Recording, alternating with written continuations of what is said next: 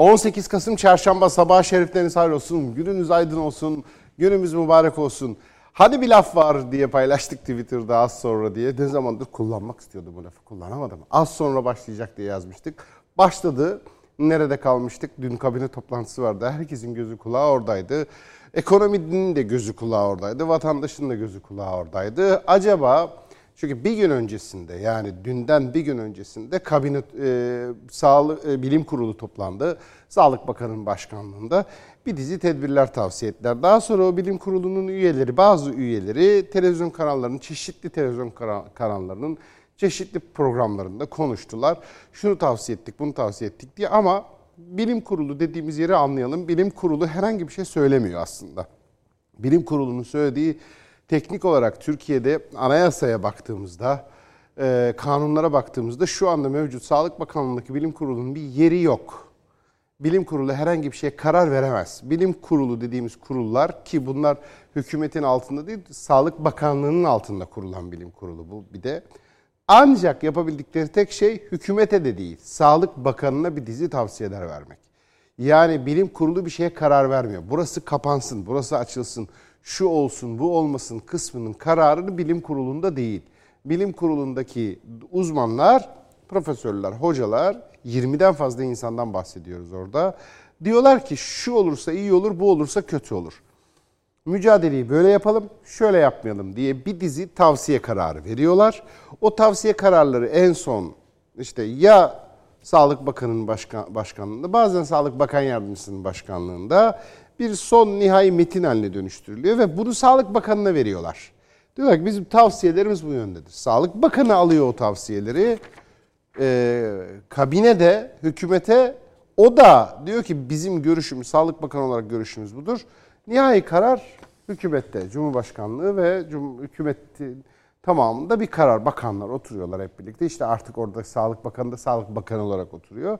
Ve bir karar veriliyor işte. Dün kabine toplantısı yapıldı ve hükümet kararı verdi. Ben başından itibaren şunu savunuyorum. Hala daha onu savunuyorum. Türkiye'de tedbir alınması için herhangi bir konuda iyi bir şey olması için Türk milletinin polise ihtiyacı yoktur.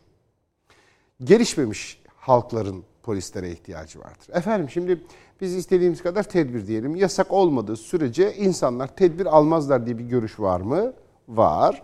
Böyle düşünen uzmanlar var mı? Var. Vatandaşların da bir kısmı böyle düşünüyor mu? Düşünüyor. Peki haklılar mı böyle düşünmekte? Evet haklılar.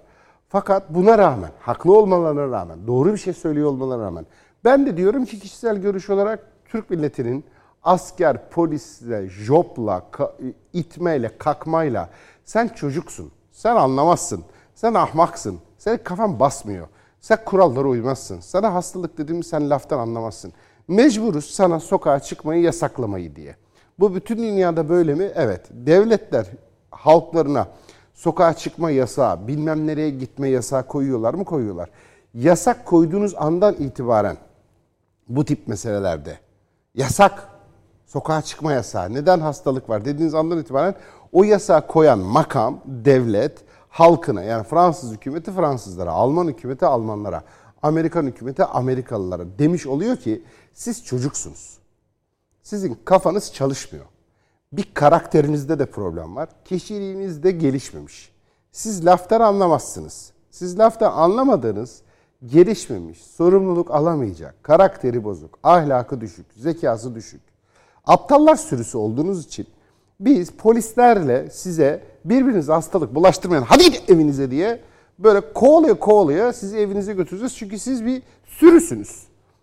Bunun anlamı, bundan başka ikinci hiçbir anlamı yok bunun.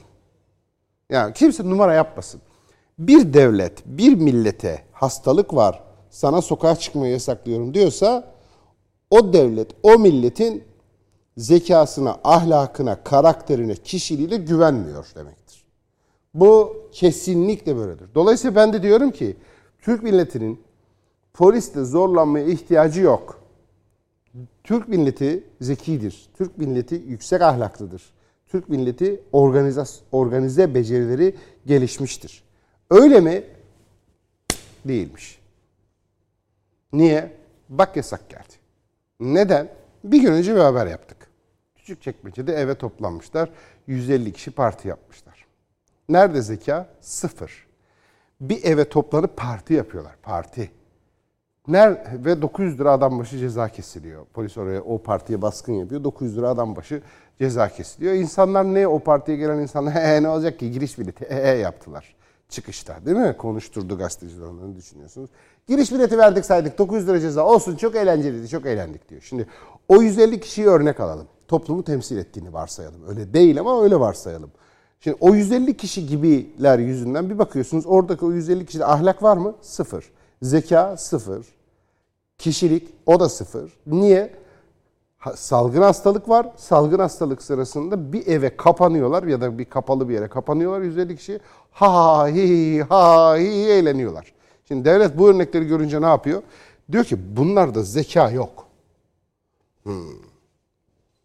Ahlak da yok. Güzel. Bunlarda kişilik de gelişmemiş. Sorumluluk da yok.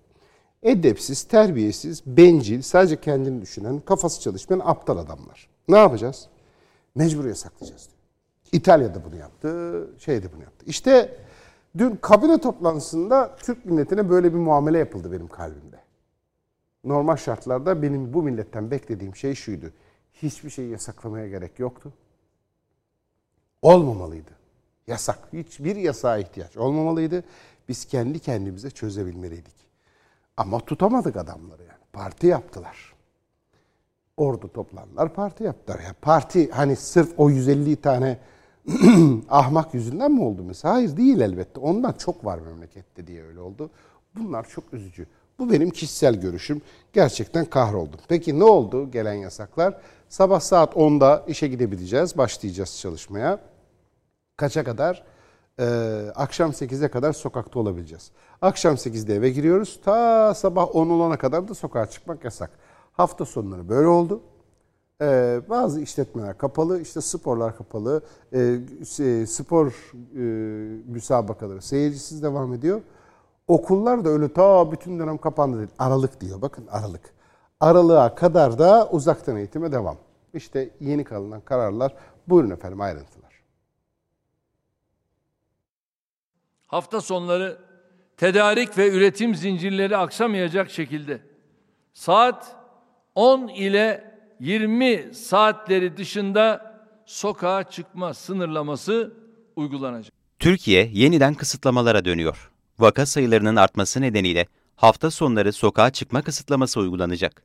81 ilin tamamını kapsayacak kısıtlama akşam 20'de başlayacak, sabah 10'da sona erecek.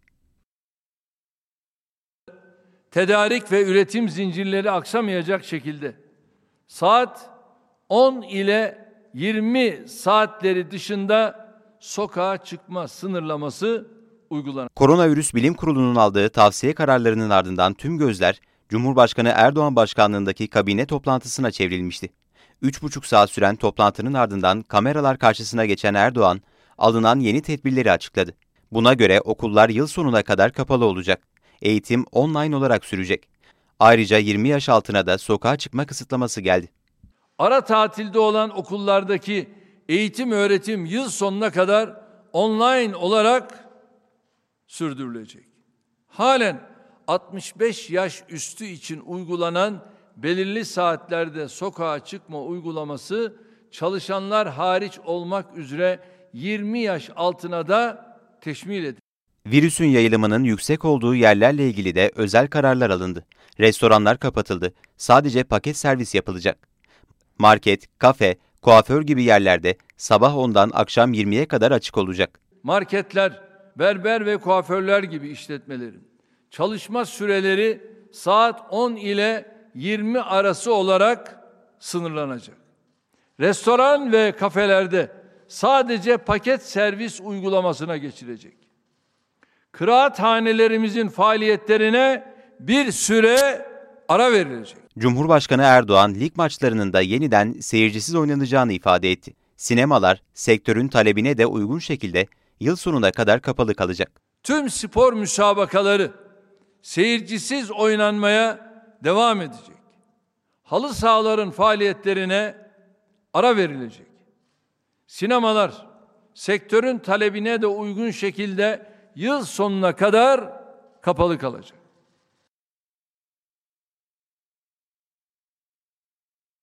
Şimdi dün itibariyle bakalım Türkiye'de koronavirüs neymiş? 3819 kişi hasta. İşte asemptomatik olanlarla semptomatik yani semptom belirti demek. Semptomatik belirti gösteren. İşte başım ağrıyor, terliyorum, eklemlerim ağrıyor, ishalim var, işte e, öksürüğüm var, ateşim düşmüyor. Yani bunlar bilinen şu ana kadar fark edilmiş. Belki yarın da başkaları da fark edilecek. Bilim böyle bir şey. Nihayetinde yani hani bu deneye yanına deneye yanına göre göre gidiyorlar. Dünya Sağlık Örgütü ilk başlarda maske takmaya gerek yok. Ne yapıyorsunuz canım saçmalamayın dedi. Biz de ona göre haberler yaptık. Doktorlar maske takmayın diyor. Ve gereksiz bu maske takma işi diye değil mi? Burada ne kadar kaç hafta haber yaptı bütün dünya. Biz de yaptık. Herkes yaptı bütün dünya. Niye? Dünya Sağlık Örgütü bir sürü doktor dedi ki maske takmayın. Ya daha öncesine gidin mesela. Dünya Sağlık Örgütü ne dedi? Ya bir şey yok. Bu kadar dedi abartmayın. Gripten daha fazla insan ölüyor. Bu salgın mı değil mi bir bakacağız dedi. Pandemi diyemedi. Salgın diyemedi. Bu bir küresel salgın mı değil mi diye haftalarca beklediler. Sonra ha bu salgın hakikaten ya falan dediler. Maske takmaya gerek yok dediler. Şimdi çıldırmış gibi maske tak diyorlar.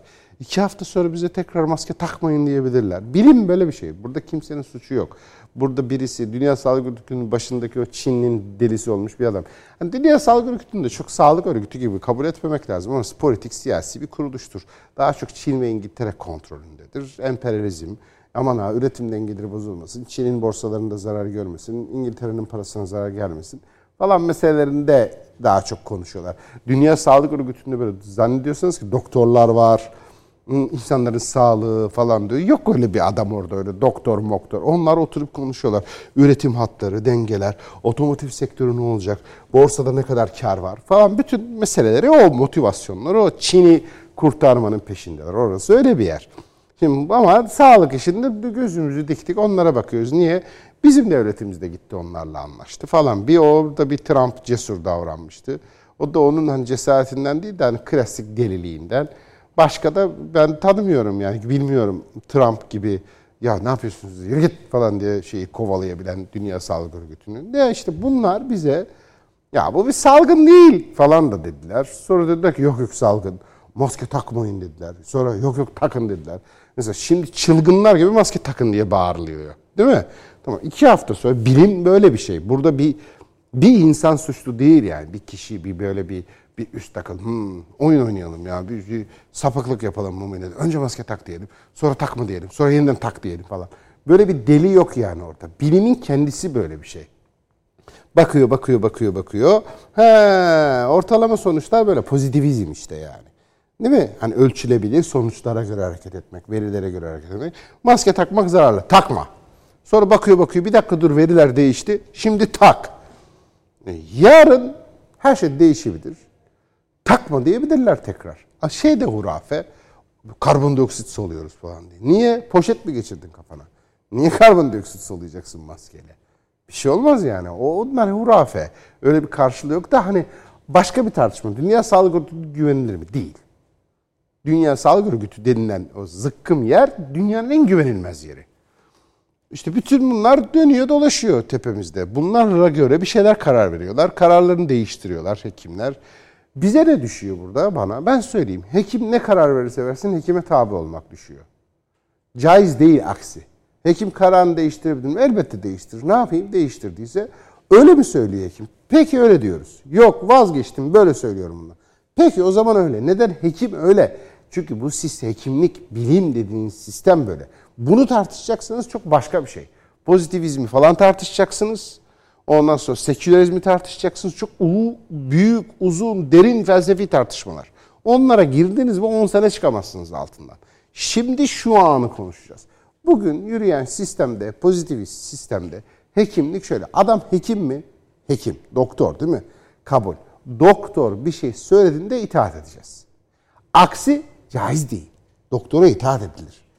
Çünkü hekime itaat etmemek intihardır. Bak ben çok net bir şey söyleyeyim size. Fetva veriyormuş gibi olmayayım ama Allah alem inşallah Allah bu tedbir almayıp da koronadan ölenleri öbür tarafta mezarda intihar etti diye diriltmesin inşallah. Bak çok acayip bir şey söylüyorum.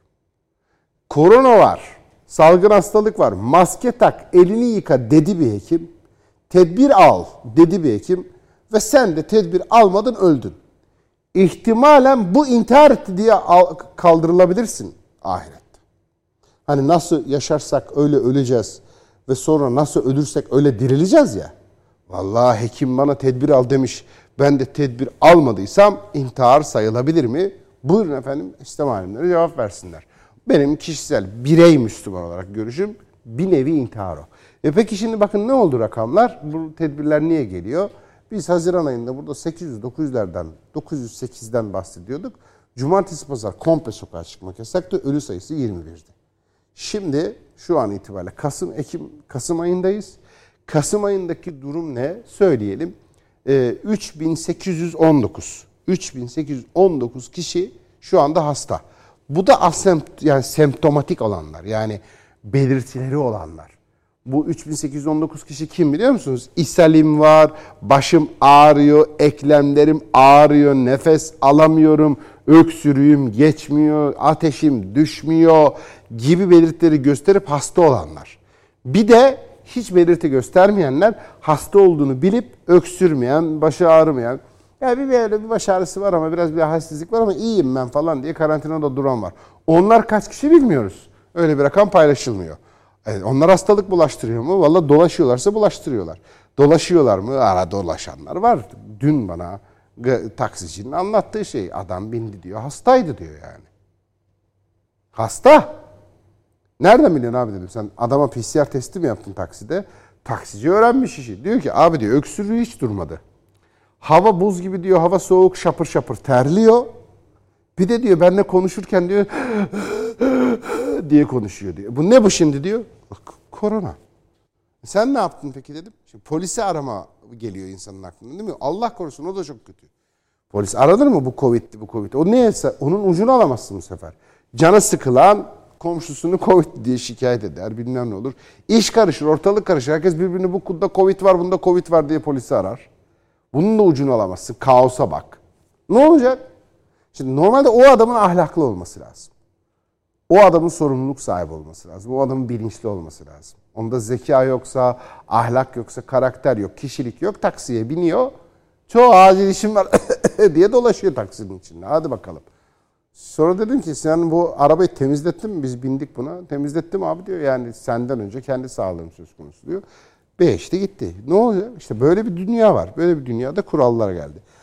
Dün itibariyle Türkiye'de bakın kaç kişiyi hayatını kaybetti biliyor musunuz? Yüzü geçtik. 103 kişi. Efendim Bill Gates'in oyunu, küresel devlet, bir pandemi yok, yalan demi, plan demi var, bilmem ne. Bir sürü şey söyleyebilirsin. Benim bildiğim tek şey ne? Komşum öldü kardeşim. Bağıra çağıra öldü adam. Bak benim akrabam kadıncağız öldü. "Iıı!" diye nefes alamayarak öldü. Sen istediğin kadar bana Bill Gates de gözümün önünde öldü kadın. Allah Allah. Ne Bill Gates'i? Bill Gates yapmış bunu. Bana ne kim yaptıysa yaptı. Ölüyor insanlar. Ölüyor ölüyor. Tak diye ölüyorlar böyle yani. Ne yapacağız buna? Hastalık oluyor. Bak ekonomi gitti. Ekonomi gitti. Efendim ben kapitalist refleksle. Ya. O değil maaşlar ödenmiyor. İnsanlar geçinemiyor. Dünya alt üst olmuş. Sen hala bana diyorsun ki şey bunlar görüyor musunuz? Aşı bilmem nesi bunlar hep böyle küresel devlet çip takacaklar, kanat takacaklar. Bill Gates yaptılar. Ne Bill Gates'i? Adam öldü ya. Yapma kurban olduğum Ahmet Kekeç bak tak diye Covid'den gitti adam. Ne Bill Gates'i, ne çipi, ne kanadı. Bak küt diye gidiyor insanlar. 103 kişi gitti dün. 103 tane insan. Anne, baba, kardeş, eş tak tak tak tak tak tak gittiler. Evlere ateş düştü. Sen anlat dur. Plan demi de, çip de, kanat de, bilmem ne de, küresel devlette. Allah zıkkım getirsin senin küresel devletine. Bitsin bu işler. Konuşuruz senin küresel devletini. Ölüyor ölüyor insanlar. Birbirimize hastalık bulaştırmamamız lazım olan bir dönemdeyiz. Üç tane basit tedbirle bu iş çözülecekken getirdik meseleyi nereye? 103 kişi hayatını kaybetti. Buyurun efendim iş çığırından çıkma noktasında. Koronavirüs tedbirlerine gerekli özenin gösterilmemesi vaka sayılarına yansıyor. Son 24 saatteki yeni hasta sayısı 4000'e yaklaştı. Günlük can kaybı yüzü geçti. Türkiye'nin günlük koronavirüs tablosu açıklandı. Buna göre son 24 saatte 156.692 test yapıldı. 3819 yeni hasta tespit edildi. Toplam hasta sayısı ise 421.413 oldu. Ağır hasta sayısı ise 3657'ye yükseldi. Günlük can kaybı da vakalarla birlikte artıyor. Tedavi görenlerden 103 kişi daha hayatını kaybetti. Toplam vefat sayısı 11.704'e yükseldi. İyileşenlerin sayısı da artıyor ancak istenen seviyede değil. Son 24 günde 2688 kişi hastalığı yendi. Toplam iyileşen hasta sayısı 359.063 oldu. Sağlık Bakanı Fahrettin Koca Twitter hesabından yaptığı değerlendirmede artan vakalara dikkat çekti. Koca, mücadelenin kritik aktörleri sağlık çalışanlarımız. En kritik savaşçılarımızı güçlü tutmak zorundayız. Tedbirlere uymak hepimiz için bir zorunluluk. Sağlık ordumuzun yanında olduğunuzu gösterin, mücadeleye güç verin ifadelerini kullandı.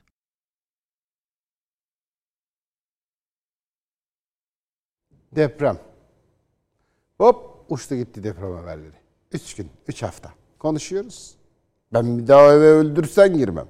Sonra bir gideyim sigara çakma alayım ya. Sonra abi dışarıda da nereye kadar? Sonra bir şey söyleyeyim mi sana? Aslında biz çıktık da boşa çıktık. Bak Fatma Hanım'ın apartmanları yıkıldı. Yıkılacak olsa bu da yıkılırdı. Duruyor abi bizimki ayakta. Bir şey olmaz. Önce bir girelim falan.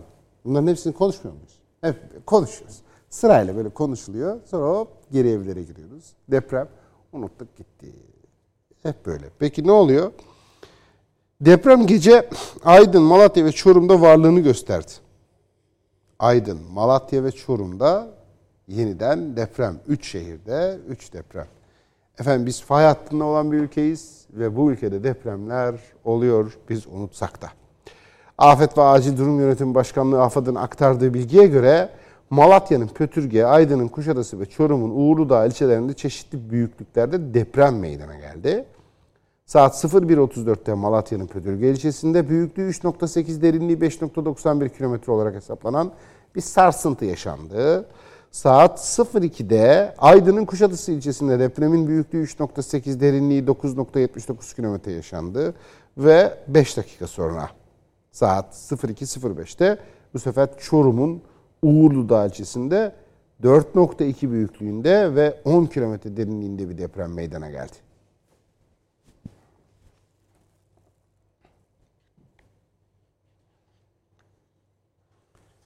Biz istediğimiz kadar unutalım. Biz istediğimiz kadar haber yapmayalım, gündem yapmayalım, konu yapmayalım, konuşalım, konuşmayalım fark etmiyor. Fay duruyor mu orada? Duruyor. Sırayla sallıyor mu? Vallahi sırayla sallıyor. Deprem olacak mı? Olacak. Biz tedbir alsak da olacak, almasak da olacak. Unutsak da olacak, unutmasak da olmayacak. Bu deprem elektrik faturası gibi bir şey yani. Sen saate bakmadan geçince fatura gelmiyor mu? Olur mu? Şey geliyor fatura. Bu depremin de faturası gelecek. Hiç kimse kusura bakmasın. Bir ara verelim aranın ardından. Saat başında huzurlarınızdayız.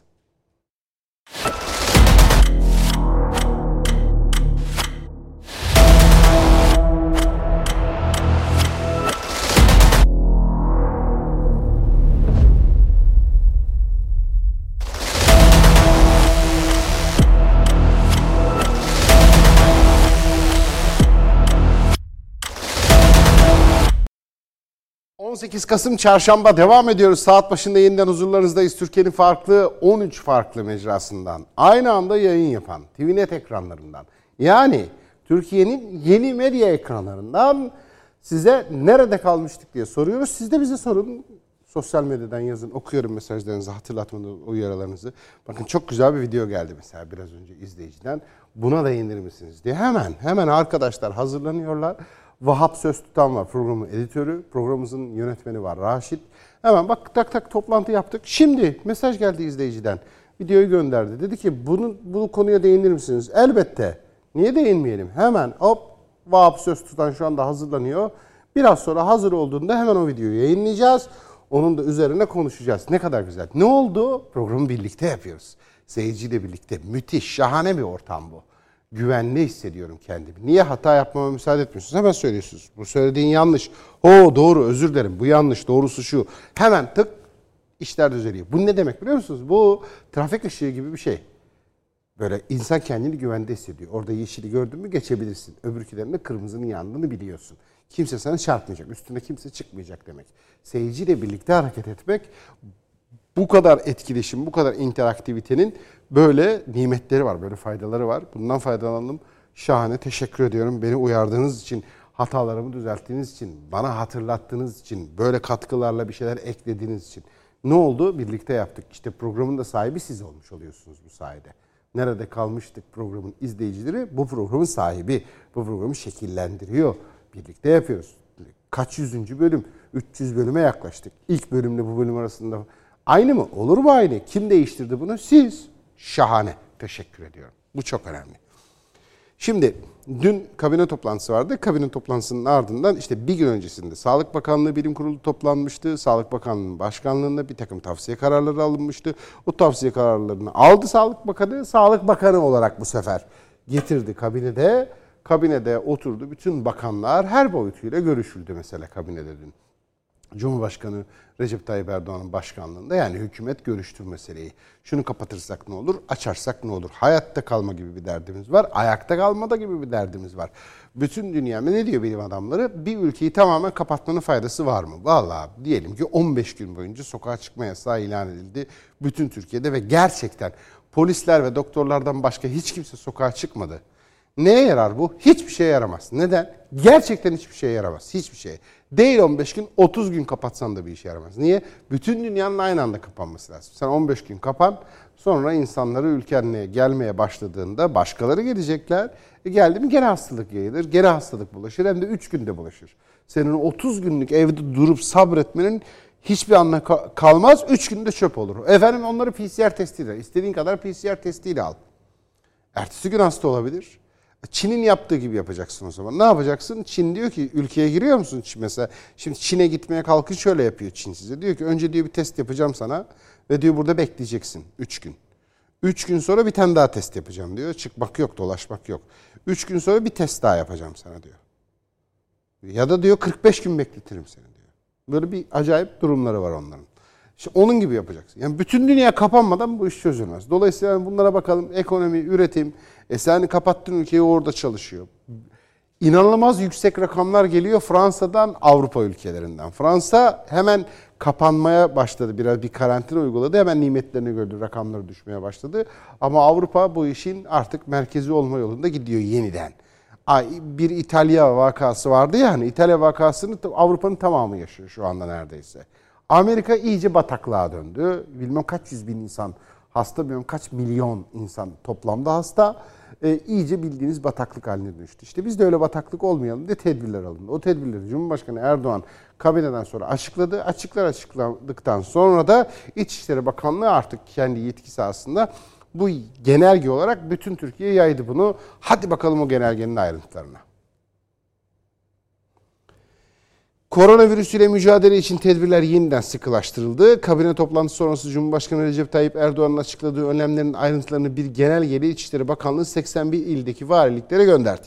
Buna göre 65 yaş ve üzeri kişiler sabah saat 10 ile 1 saatleri 20 yaş ve altındaki kişiler 13 ile 16 saatler arasında sokağa çıkabilecek. Yani Yaşlılar 65 yaş ve üzerindekiler 10 ile 1 arasında sonra bir de evlerine girecekler. Gençlerse yani 20 yaşın altında olan gençlerse e, büyükler eve girdikten sonra yani saat 1'den sonra sokağa çıkacaklar. Onlar da saat 4'e kadar sokakta olabilecekler. Restoran, lokanta, kafe gibi yeme içme yerleri sabah saat 10'da açılacak, akşam saat 8'de kapanacaklar. Ve bunlar restoranlar sadece paket servis veya gel al hizmeti şeklinde açık olacaklar. Yani hiçbir restoranda, kafede, büfede, masalarda oturup yemek yemek tamamen yasak oldu. Saat 8'den sonra sadece telefon ya da dijital sipariş üzerinden paket servis hizmeti verilecek. Akşam saat 8'den sonra restoranlardan gidip paketi elle alamayacağız. Burada il ve ilçe umumi hususa kurulunca belirlenecek yerleşim yerleri dışında bulunma, bulunmamak kaydıyla şehirler arası karayollarındaki dinlenme tesisleri istisna tutulacak. Genelgeye göre alışveriş merkezi, market, berber, kuaför ve güzellik merkezleri sadece sabah saat 10'da açılabilecekler ve akşam 8'e kadar ancak hizmet verecekler. 8'de kapanacaklar.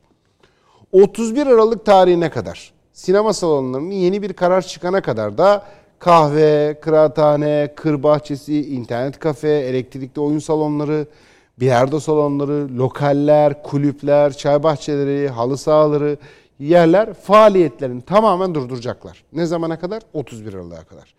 Daha önce faaliyetleri durdurulan nargile salonları ile ilgili uygulama da aynen sürdürülecek. Yeni bir karar alınıncaya kadar hafta sonları saat 10 ile 20 saatleri dışında sokağa çıkma kısıtlaması uygulanacak. Ancak üretim, imalat, tedarik zincirleri kapsam dışında tutulacak. Genelgede sigara yasağı kapsamında da genişletilebileceğine dikkat çekiliyor. Düğünler ve nikah merasimlerinde katılımların asgari düzeyde tutulması en fazla bir saat içinde gerçekleştirilmesine kararlaştırıldı.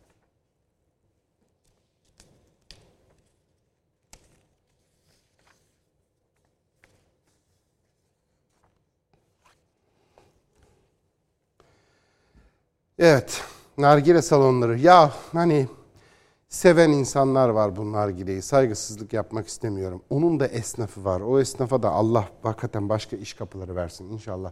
Yeni işler, yeni fırsatlar, yeni imkanlar. Çok bol bereketli, bol kazançlı, güzel güzel işleri olsun inşallah ama Türkiye'ye en çok ne yakışmıyor diye sorsanız şu nargile denilen zıkkım yani. Bir fotoğraf var. Orada dışarıdan baktığınızda böyle şişelerin yanına oturmuş adamlar böyle onu içiyorlar. Allah'ım nasıl bir iğrençlik, nasıl bir çirkinlik, nasıl bir rezalet. Ya tamamen kapansın yani. Çünkü dışarıda bütün Türk ülkenin yani 85 milyonun hakkına giren nereden bahsediyoruz orada? Hep gözümde öyleler çünkü yani o nargile kafeler, nargile salonları, orada o nargile içenler falan. Hiç yakışmıyor bize. Hiç bize ait değil. Çok büyük rezalet. Yani Allah başka, Allah kurtarsın, Allah ikrah ettirsin. İçenlerle ilgili söylemiyorum bunu. İçenler hiçbir saygısızlık yok. İçiyor adam, alışmış. Ne yapalım yani şimdi? Ne diyeceğiz? Ama e, esnafı da var onun. Adam dükkan açmış, masa yapmış, bilmem ne. O gitmiş o cam şişeleri almış falan. İnsan çalıştırıyorlar, maaş veriyorlar. Allah da onlara başka bir kapı yazsın inşallah. Şu nargilecilerden, şu nargile fotoğrafından, şu nargile görüntüsünden bir kurtulalım. Çok rezalet ya. Hiç yakışmıyor Türkiye'ye. Yani hakikaten çok korkunç. İnşallah kurtuluruz ondan. Bu şey bir de sigara meselesi. Sigara normalde de öldüren bir şey. Normalde de zehir. İnşallah ondan fırsat bu fırsat. Bak mesela hani Ramazanlarda bırakılır. Ben de bir Ramazan'da bıraktım mesela sigarayı. Ramazanlar iyi fırsattır sigara için. Orada bir rahmet de oluyor, bereket de oluyor, bir motivasyon oluyor, bir şey oluyor. Bırakıyor insan, güzel oluyor. Şimdi inşallah bu pandemide bir fırsat olsun ya, bir imkan olsun. Bırakalım şu sigarayı. Elhamdülillah o leş kokudan bir kurtulalım. Çok kötü öksürüyoruz, çok kötü hasta oluyoruz, mahvoluyoruz. Bak sigara içenler ne zorlanıyorlar şu anda. Allah.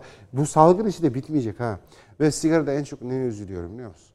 Babalar içiyorlar o sigaraları. Çocuklar hep böyle görüyorlar göz ucuyla bakıyorlar, alışıyorlar, onu normalleştiriyorlar. Ay o çocuk için.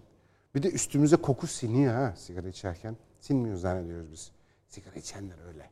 Koku yok ya. Ben sigara içtiğimi kendimde hiçbir şeyin kokusunu almıyordum ki ben. Kokmuyorum ya ben diyordum. Ne kokmuyorsun? Leş gibi kokuyorsun yani. De işte sana gelmiyor koku.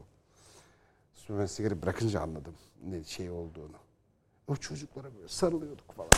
Allah'ım büyük vebal. Hii, e, silmiş üstüne o. Sen o çocuğa sarıl. O çocuk onu soluyor seninle birlikte. Bir şey yok ya. Dışarıya üfledim girdim evin içine diyorsun. Ya istediğin kadar dışarıya üfle. Üstünde o. Çocukları bizim... Bak benim arkadaşım çocuğunu götürdü. Çocuk sigara içiyor gibi çıktı ciğerleri. 6 yaşında kız çocuğu. O kız çocuğun ciğerleri sigara Niye? Baba evde püfür püfür püfür zehirlemiş çocuğu. İşte onunla fırsat bu fırsat inşallah bırakalım. Peki bak çocuklar dedik. Çocuklar Covid olmuyor. Olsa da kolay atlatıyor. Aman canım falan meselesi ve en çok korkulan mesele neydi? Uzmanlar şeydi diyorlardı. Bak tamam çocuk kolay atlatabiliyor falan ama eve getiriyor. Büyüklere bulaştırıyor. Dağıtıcı oluyor çocuklar. Dikkat falan diyorlardı. Ne kadar çocuk hastaymış dünyada biliyor musunuz? Bir milyon. Of. Bir milyon çocuk bu işin pençesinde. Bakalım ayrıntılarına.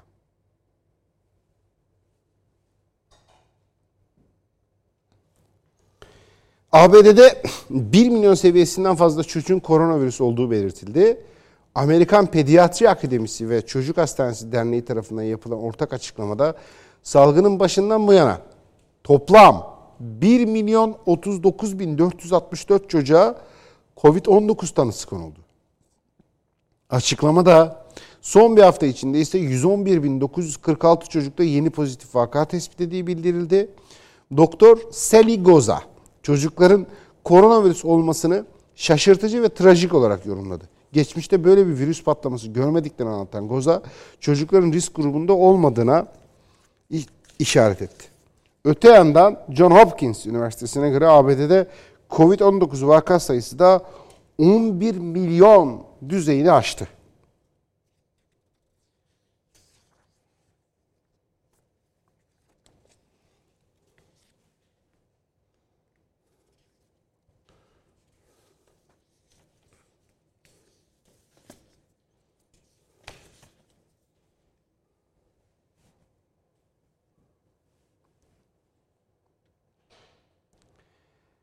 11 milyon sadece Amerika'da. Toplam dünyada ne kadar hasta var şu anda? 56 milyon kişi Covid-19 tanısı aktif. 56 milyonu geçti. Neredeyse. Şimdi ne oldu? O kadar da hızlanarak katlanarak gidiyor ki bu.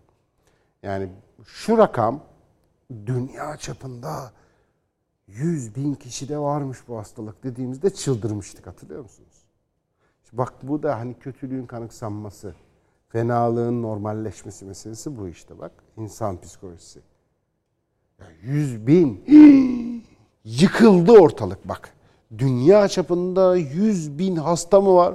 Huu, tarihin en büyük salgını geliyor. 100 bin nedir? Öldük kaldık falan ortalık yıkılıyor. Son dakika breaking news bilmem ne. Dünyada bütün televizyon kanallarının bültenleri yıkıldı. Herkes yeni bülten yazdı. Başka hiçbir şey konuşulmuyor. O tweetler atılıyor. 100 bin hashtag oldu. Bütün dünyada World TT oldu bilmem ne. 100 bin 100 bin. Oo 100 bin kişi hasta olmuş diyorduk. Aha 56 milyon kişi hasta şu anda.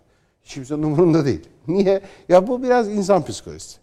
Böyle oluyor insanlar. Ama çok kişi kaybettik. Ahmet abi bak Ahmet Kekeç. Gitti. Kanserle uğraş, uğraş, uğraş, uğraş, uğraş. Dua, dua, dua, dua. Gel Covid'le git.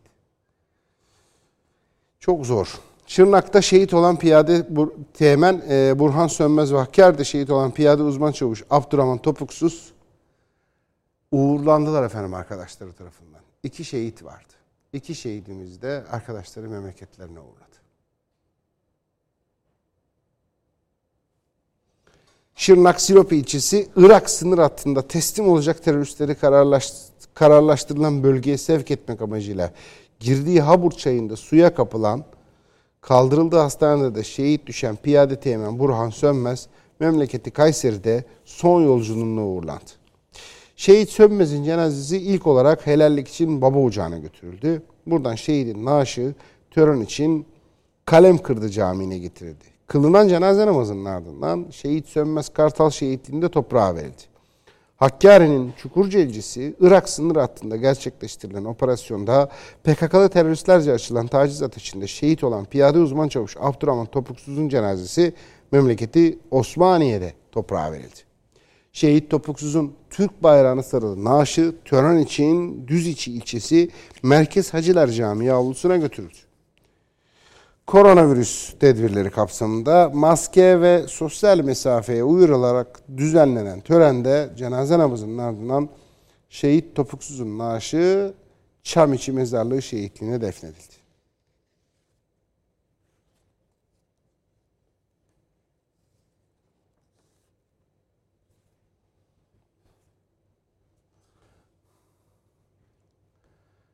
Ya şehitler Allah mekanlarını cennet eylesin. Allah şehadetlerini kabul etsin inşallah. Şimdi büyük mücadele veriyorlar. Bak görüyor musun? Benim çocuğum babasız kalmasın diye kendi çocuğunu babasız bıraktı. Nasıl olacak şimdi? Nasıl ödeyeceğim ben o borcu? Benim evde oğlan var Muhammed. O yetim kalmasın diye ya askerin çocuğu yetim kaldı. İş mi bu? Bu o yüzden bambaşka bir yerdeler yani. Yani size bir şey olmasın ben öleyim. İşe bak yani. Adamın yaptığı işe bak. Bu iş değil ki. Başka bir durumdan bahsediyoruz. Normal bir meslekmiş gibi muamele edilemez yani. Yani bu o başka bir şeydeler. Bir de kaç bin yıllık bir mevzu bu. Oradaki o motivasyon, o yürek, o, o damarlardaki kanda dolaşan o bilgi, kadim bilgi kaç bin yıllık mevzu. Allah Allah şehadetlerini kabul etsin inşallah. Şimdi e, Diyarbakır'da anneler çok ciddi mücadele ediyorlar. Evlatlarını alabilmek için. Nerede duruyor anneler? HDP il binası önünde. Allah Allah niye HDP il binası önündeler? PKK'dan istiyorlar evlatlarını. Niye Kandil'e Habur'a gitmiyorlar? Orada değil ki çocuklar. Çocuklar Kandil'de, Habur'da falan da filan da Suriye'de ya da Amerikan petrol kuyularında nöbetteler yani. Değil mi? İsrail'e, Büyük İsrail'i kurabilmek için Büyük İsrail haritasında kanton ilan et, ediyoruz falan diye numara yapıyorlar. Amerika'nın petrol kuyularının nöbetini tutuyorlar. Ermenistan'a gidiyorlar, Ermenistan'da savaşıyorlar. HDP il binası önünde niye duruyorlar? Merkez orası. HDP il binasından girdi mi bir çocuk, ha buradan çıkıyor. Buradan giriyor, Kandil'den çıkıyor. O yüzden kapıyı tutuyor anneler. Gatekeeper'lık yapıyorlar yani. Büyük kapıyı tutuyorlar. Şimdi o anneler, kapıyı tutan anneler PKK'yı çökerttiler. Çocuklar, her annenin evladı, orada duran her annenin evladı e, çözülmeye başlıyor PKK'nın içinde. PKK bundan panikte. Macron çok sinirlenmiş buna. Macron'un şu anda en büyük hedefi Diyarbakır'da HDP il binası önünde nöbet tutan anneler. Niye? Dağıtın diyor orayı. Orayı diyor dağıtın diyor Macron. Çünkü biliyor Fransız istihbaratı rapor ettiriyor. PKK'nın içinde çılgınlar gibi Fransız ajanları var. Fransa istihbaratı var. Beraberler 1920 yılından beri. Yeni de değil. Şimdi o raporlarda ne geçiyor? Ee, Fransız istihbaratının, Fransız gizli servisinin en son yazdığı raporda Türkiye'de acilen çözülmesi gereken en büyük dert Diyarbakır HDP il binası önündeki annelerin nöbeti. Macron'a sunuldu rapor. Macron delirmiş durumda. Neden? O anneler diyor çok rahatsız edici. PKK'yı çözüyorlar. Bütün örgütteki yatırımı çöpe atıyorlar. Bütün motivasyonu bozuyorlar. Bütün planları alt üst ediyorlar. O anneleri dağıtın diyor. SİHA, İHA, top, tüfek, uçak, buçak hiçbir umurumda değil diyor.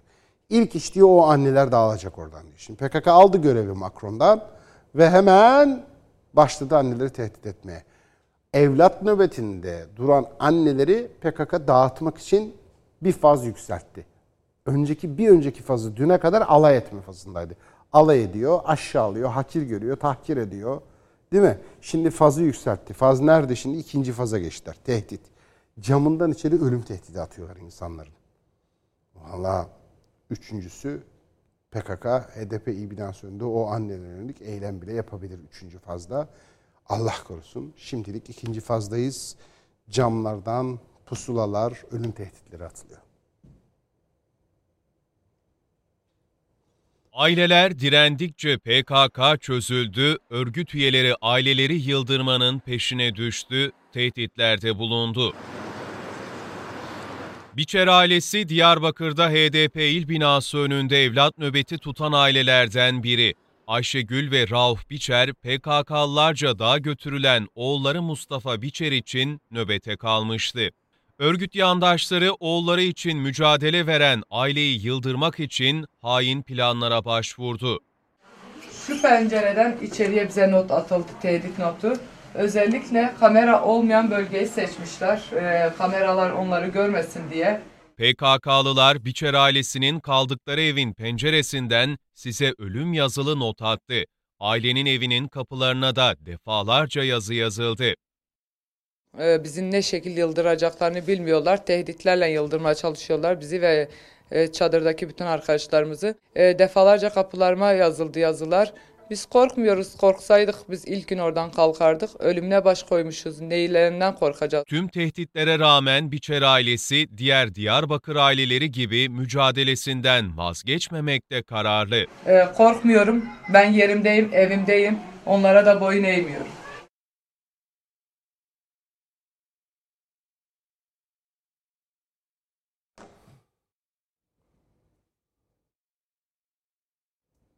Hadi bakalım günün gazeteleriyle başlayalım. İlk olarak Yeni Şafak gazetesi. Yeni Şafak gazetesiyle devam edelim. Yeni Şafak gazetesi manşetinde ne diyor bugün? Sokak, çarşı ve okula sıkı tedbir. Sokağa, çarşı, okula sıkı tedbir. Bu üç yerle özetlemiş Yeni Şafak gazetesinde, manşetinde Yeni Şafak gazetesi. Olay sokakta, çarşıda ve okulda. Buralara sıkı tedbir, buralara yoğunlaşılmış. Buradan görmüş haberi. Haberin fotoğrafında da Cumhurbaşkanı Recep Tayyip Erdoğan'ın fotoğrafı var manşette. Hani sokaktan bahsediyor haber. çarşı ve okuldan ama fotoğrafta sokak, çarşı, okul yok. Cumhurbaşkanı Erdoğan var. Neden? Çünkü bu kararı açıklayan Cumhurbaşkanı Erdoğan'dı. Böyle bir mizampajda çıkmış. Türkiye, dünyada ve Türkiye'de Covid-19 vaka, hasta ve ölüm sayıları yeniden tırmanışa geçince sıkı tedbirler de geldi. Cumhurbaşkanı Erdoğan kabine toplantısından sonra sokak, çarşı ve okula gelen kısıtlamaları açıkladı. Okulda eğitim yılbaşına kadar online yapılacak. Hafta sonu kısmi sokağa yasağı geliyor diyor haberin ayrıntısında. Eğitim online, sinemaya ara. Eğitim ne kadar online? Komple gitti mi? Hayır hayır aralığa kadar. Sinemada e, zaten sinemada da Cumhurbaşkanı Erdoğan da belirtti sektöründe böyle bir talep vardı. Gelmiyor zaten insanlar. Açıp zarar etmenin bir anlamı yok. Kapalı kalsın diyordu sinemacılarda. Maçlar seyircisiz kabul. E, hafta sonuna da yasak geldi ama hafta sonu yasakları şöyle sabah saat e, 10'da bitiyor yasak. Yani akşam 8'de başlıyor gece boyunca yasak. Niye? Ya virüs tatil mi yapıyor? Yani sabah 10 olunca virüs mesai bırakıyor da 8'e kadar bulaşmıyor. Olur mu öyle şey? Mesele şu. Şimdi akşam yani 10 ile akşam 8 arasındaki aksiyon, dışarıdaki ev dışı aksiyonlar genelde iş. İş yerleri bir şekilde tedbirleri var. İnsanlar işte ya işte maskemizi takalım, kuralımıza dikkat edin diyorlar gidip gelirken falan. O zannedildiği kadar büyük kalabalık yok. Asıl büyük kalabalıklar nerede oluyor? Misafirlikte. İşte partide, akşam 8'den sonraki eğlence yerlerinde falan. Asıl bulaştırmalar misafirliğe gidelim, taziyeye gidelim. Partiye gidelim, oraya gidelim. Kafeye gidelim, oturmaya gidelim. Klaba gidelim, gece kulübüne gidelim, bilmem ne yapalım falan yerleri çok daha yoğun. O yüzden akşam 8 olunca sen bir evine dön. Tamam artık dolaşma. İşimizi de yaptık deniliyor. Bir de iş de yapmak gerekiyor. Çünkü o maaşlar nasıl ödenecek? Bir hayat devam ediyor. Bu iş sadece aya- hayatta kalma mücadelesi değil ki yanında birlikte beraberinde bir dengeyle birlikte ayakta kalma mücadelesi de veriliyor. İşte bunlar birleşince mantık olarak hadi bakalım şu saatler bu saatler çalışalım işimizi bakalım. Çok fazla birbirimize değmeyelim. Akşam 8 olunca ayda herkes evlerine.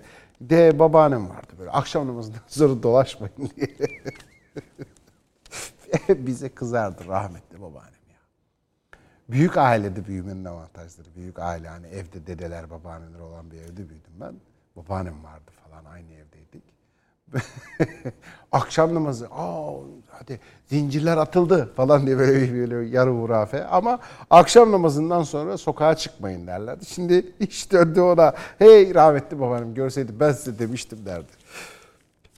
Şeye bakalım eee sür manşetine. Uzun zamandır yürüttüğü bir haber var. Yeni Şafak gazetesinin bir faizle mücadele meselesi. Çünkü bir gerçekten birileri var Türkiye'de yüksek faiz istiyorlar. Onları yüksek faiz istemesinin sebebi şimdi faiz beklentisi var. Eee, piyasaların bir kısmı, bir bölümü diyor ki faizler artsın bekliyoruz. Ne oranda işte enflasyonu dengeleyecek ve dövize kaçmayı durduracak kadar bir yüksek faiz artışı bekliyorlar. Bu sayede işte mevduat bankaları TL fonlar biriktirecekler ve o biriken TL fonlar krediye dönecek kullanacağız.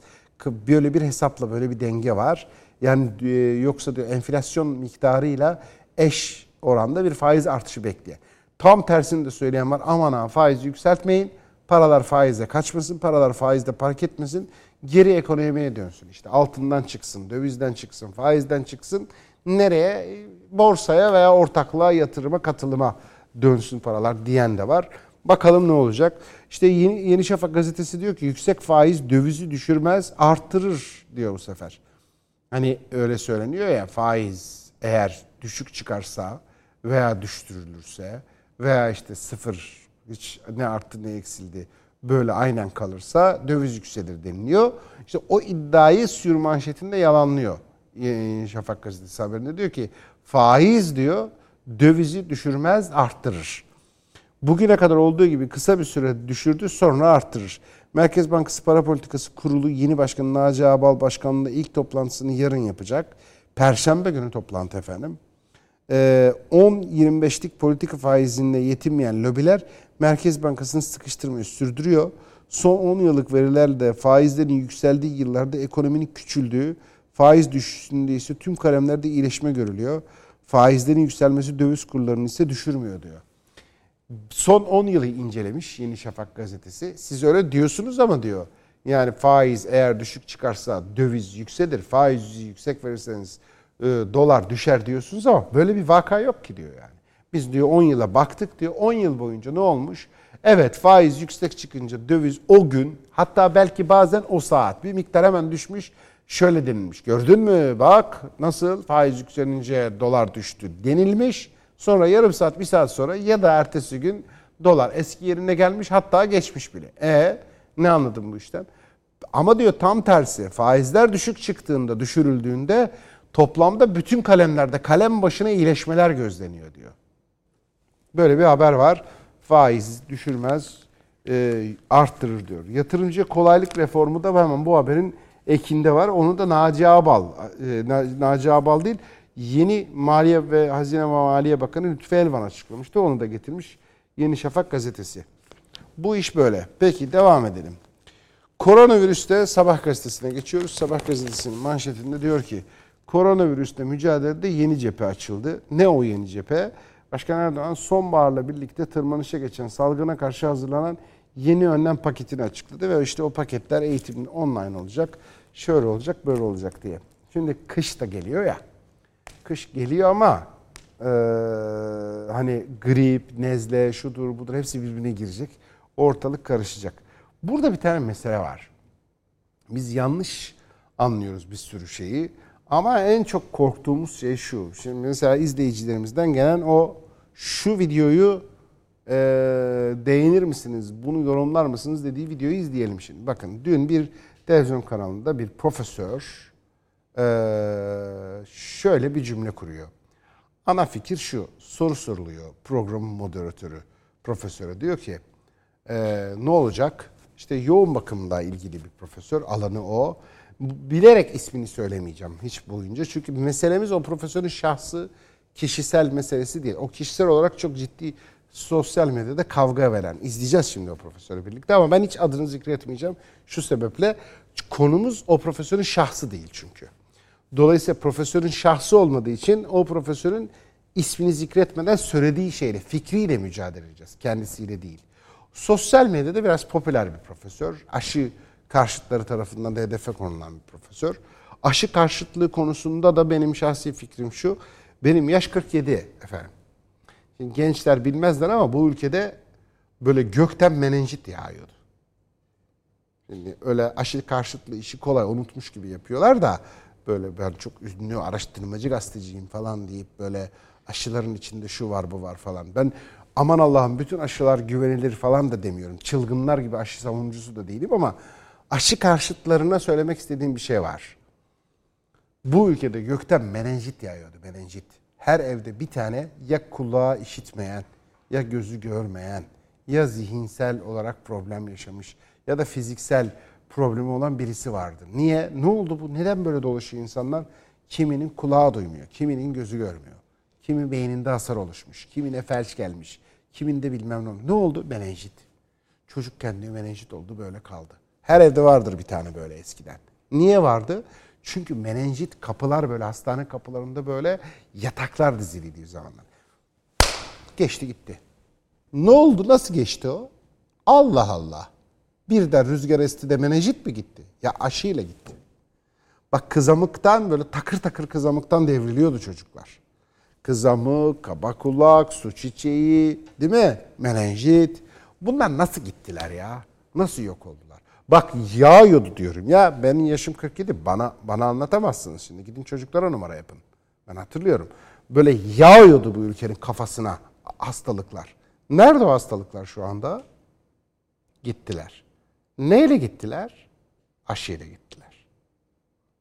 Şimdi çocuklara sizin lafınıza inanıyor insanlar. Çocuklarına kızamık aşısı, çocuk felci aşısı, çiçek aşısı yaptırmıyor. Sonra hastanelerde sürünüyorlar. Çok büyük vebal. Ağzınızdan çıkarın, kulağınız duysun. Dikkatli konuşun. Ayıptır. Şimdi bu konuda o profesör haklı. Fakat şimdi profesörün bak nasıl tehlikeli bir laf söylüyor. Moderatör soruyor. Yoğun bakım dolarsa ne olacak diyor. Yoğun bakım dolarsa ne olacak? Hasta seçeceğiz diyor. Ney? Hasta mı seçeceksiniz? Ne demek bu hasta seçmek? Yaşlılar diyor ölsün, gençleri alalım. Özeti bu. Böyle söylemiyor. Şöyle söylüyor. Belli bir yaş üzerinde üretemeyen, ikinci hastalıkları olan, yaşama ihtimali olmayanlara diyor. ayıracağız. Üreten genç hastaları alacağız diyor yoğun bakıma. Bak profesör alanı yoğun bakım. Ankara'da yoğun bakımlar bu adama emanet. Ve bu adam Türkiye televizyonlarında canlı yayında diyor ki biz hasta seçeceğiz, yaşlıları bırakacağız, gençleri alacağız diyor. Şimdi önce izleyelim. Bakın ne diyor. Covid'e ayırdığımız yatak sayıları en azından bizim üniversitemizde şu anda yetiyor. Hatta Sağlık Bakanlığı'nın hastalarını da alıyoruz. Ama yetmez konuma geldiği zaman hasta seçmekten başka çare yok Fatih Bey.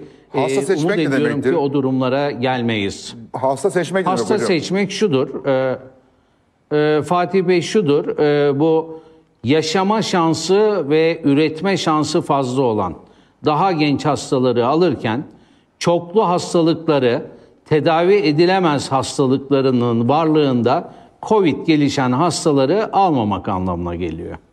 Yani onları bir anlamda ölüme terk etmek anlamına geliyor.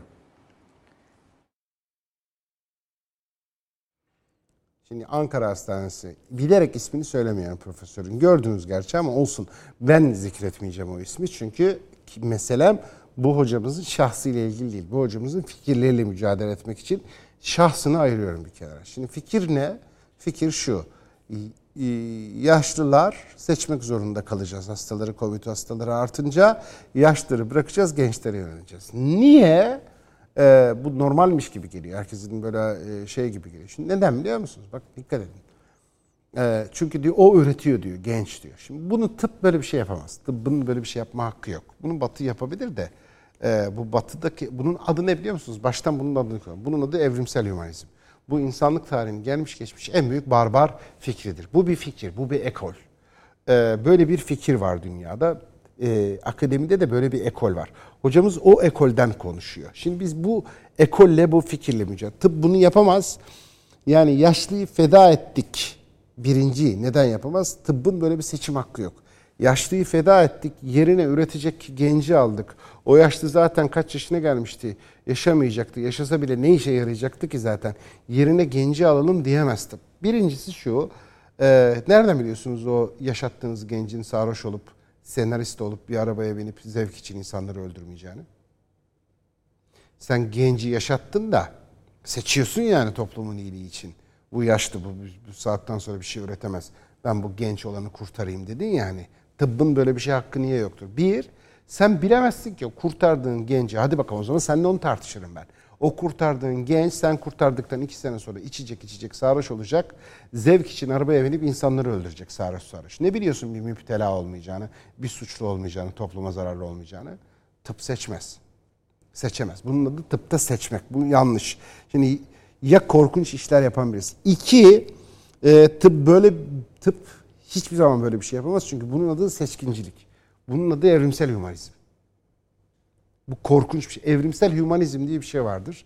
Yani aramızdan iyi olanlar, güçlü olanlar, yakışıklı olanlar, zengin olanlar, akıllı olanlar, mesleği olanlar, soylu olanlar, geni iyi olanlar yaşasınlar. Çirkin olanlar, albino hastaları, sakat mı ağza melundur haza deyip işte engeli olanlar, değil mi? Kalıtsal hastalığı olanlar. Ee, bunun soyu devam etse ne olur? Bundan bir çocuk doğsa ne olur, ne olur? Şu tipe bak, şu çirkinliğe bak denilen. Bunların hepsini eleyelim. Ne kadar gider bu iş? Şimdi bugün siz şeyi seçeceksiniz. Hastayı seçeceksiniz. Neye göre seçeceksiniz? Bu üretiyor. Peki iki tane gençin arasında seçim yapın bakayım şimdi. Hangisi daha çok üretiyor mu diye mi bakacaksınız? Hangi? Biri Boğaziçi Üniversitesi, biri Karadeniz Teknik. KTÖ. KTÖ'yü ele, o ölsün. Boğaziçi yaşasın mı diyeceksin. Öyle geliyor çünkü. O seçkincilik bir başladı mı? O ikisi de Boğaziçi'li hangisinin puanı daha yüksekse. İkisinin de puanı aynı hangisi daha yakışıklıysa mı? Çünkü seçkincilik böyle bir risk zinciri oluşturuyorsunuz yani. Bu çok riskli bir şeydir. Bunu yapamazsınız. Tıp bunu yapamaz. Bu bir ekol, bu bir fikir, evrimsel hümanizm fikri. Ee, bunun tezahürleri sadece tıpta yok. E mesela hukukta da var. Bu akademinin damarlarında dolaşan bir zehir. Hukukta da görüyorsunuz bunu. Diyor ki tıp öğrencisi 10. yılda son sınıftaki bir tıp öğrencisi cinayet işlerse ne olur? Bak vakalar var dünyada. Daha yeni oldu. Ne yapıyor? Hakim affediyor tıp öğrencisi. Neden? Basit, hesap basit evrimsel hümanizmde. 10 yıldır biz bu adama masraf yaptı sistem diyor. 10 yıldır sistem yok. 6 yıl okumuş tıp, 4 yılda tıpta uzmanlık okumuş, TUS okumuş. 10. yıl cinayet işledi, at bunu hapse. Sistem kaybetti diyor. Sistem 10 yıllık masrafı gitti, 10 yıllık zaman gitti bir de sistem bir doktor kaybetti. İşsiz bir genç, bir serseri, birisi, bir bir şey veya beğenmedikleri bir İspanik, bir siyahi, bir Müslüman cinayet işlerse ne olur? Onu diyor gönder diyor ya hapishaneye elektrik sandalye çünkü sistem bir şey kaybetmez diyor. Evrimsel humanizm. Bu riskli, akademinin damarlarında dolaşan bir zehir. Çok tehlikeli bir şey. Şimdi bu zehir batıdan akıyor bize hocalarımızda hocalarımızın üzerinden de öğrencilerin akıyor. Çok riskli. Peki şimdi bakın ben bakıyorum diyor ki şimdi şimdi birinci diğer bir problem de şu. Hocamız böyle konuştu ya. Bu konuşan hocamız Ankara'da yoğun bakımdan sorumlu bir hoca. Şimdi ben şu dakikadan itibaren hocadan bu lafı duyduğum andan itibaren yoğun bakımlarda şüpheleniyorum artık. Niye? Ya yoğun bakımlarda gerçekten hastaları şu anda öldürüyorlarsa bu masrafsa. Ya şu anda Türkiye'de yoğun bakımlarda bir barem varsa bu, bu baremi aştı. Masrafı aştı. Bu haddi aştı diye fiş çekiliyorsa. Kim garanti edecek artık bunu? Şu dakikadan itibaren hocamızın bu konuşması yüzünden bütün yoğun bakımlar şüphelidir. Yoğun bakımdaki ölümlerin tamamı şüphelidir şu andan itibaren bu hocamızın konuşmasından sonra. Neden? Haddi mi aştılar acaba? Fişleri mi çekildi? Sistem bunları verimli mi bulmadı? Bu kapitalizmin e, problemi. Şimdi burada bir tane problem var. Şimdi şöyle bir savunma getirebilir hocam bana. İş o raddeye gelmesin diye uyarı yaptım ben aslında diyebilir. Hayır değil. Orada anahtar kelime ne biliyor musunuz? Üretmek. İşte kapitalizmin insan tarifine dikkat edin. Kapitalizm insanı sizin bizim zannettiğimiz gibi tarif etmiyor. Kapitalizm insanı üreten ve tüketen unsur olarak tarif ediyor. Şimdi bugünkü insan tarifinde de hocamızın ağzından çıkan kelime ne? Üretme kelimesi. Bakın üretme kelimesi çok önemli. Hocamız bunu ısrarla söylüyor. Neden? Çünkü kapitalizm insanı böyle tarif ediyor. Bu liberalizm, kapitalizm, evrimsel hümanizmin insan tarifinde insan üreten ve tüketen bir şey. Diyor ki üreten diyor. İnsan tarifi problemi var burada. Üretme şeyi var burada. Şimdi yaşlılar e, bu üretimi üretemiyor meselesi. Bunun örneğini Avrupa'da çok görüyoruz. En son salgın döneminde iyice ayyuka çıktı. Yaşlılar ölsünler. Neden? Çünkü yaşlılar üretmiyorlar. Yaşlılar masraf çıkartıyorlar. E, onun yerine üreten, askere giden, üreyebilen e, gençlerin olması tercih edilir sistem tarafından. Yaşlar, yaşlar ölsün gitsinler meselesi. Bunlar büyük tartışmalar. Biz tam olarak karşı çıktığımız, tam olarak karşısında durduğumuz, tam olarak barbarlıktır, vahşiliktir dediğimiz şeyler bunlardır. Sekülerist barbarlık yani sekülerist hümanizm yani işte evrimsel birçok adı var. Sekülerist hümanizm diyebilirsiniz. Çerçeve oldu. Tartışıldığı çerçeve bu bütün dünyada. Sekülerist hümanizm. Yaşlılar ölsün, üretemeyen ölsün. Daha iyi üretenler kalsınlar. Kalıtsal hastalığı olanlar evlenmesinler. Şeker, kalp gibi çocuk bundan doğacak. Bu kızın da bu kızda diyor şeker mi var diyor. Evet.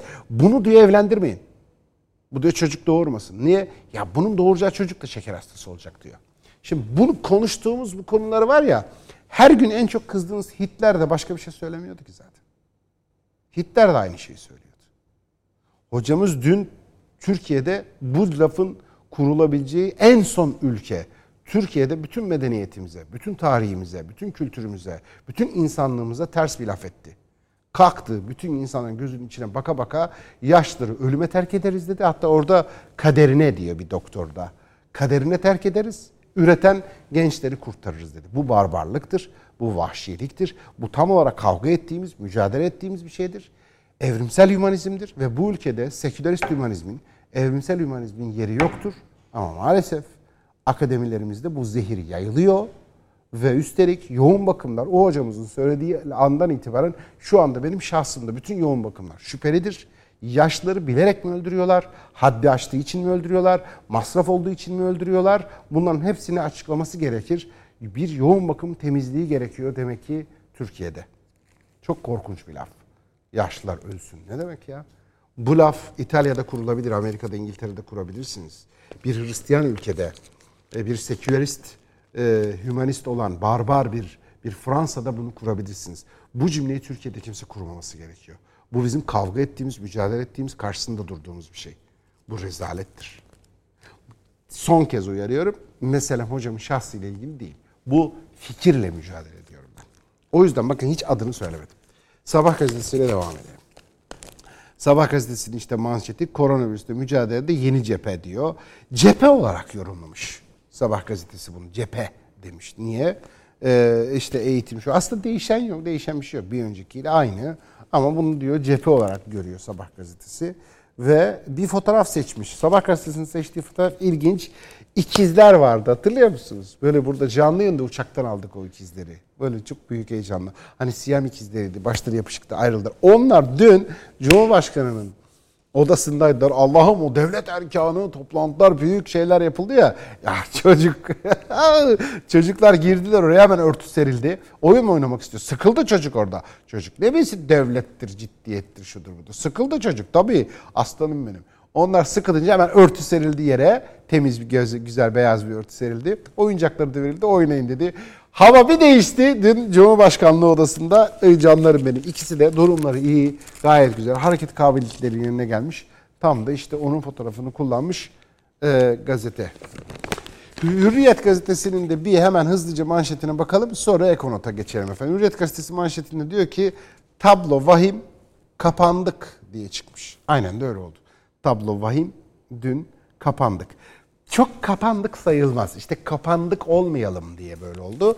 Ama inşallah e, kapandık negatif anlamdaki kapandığa itiraz ettim.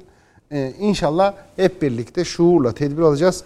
Hiçbirimize polis zoru, asker zoru, kanun zoru ihtiyaç olmadan maskemizi takacağız, mesafemizi koruyacağız. Bu işi de atlatacağız inşallah hep birlikte diyelim. Hadi bakalım günün ekonomi notlarına. Halkbank ekonomi notlarını sunar. ister Halkbank yapar Halkbank.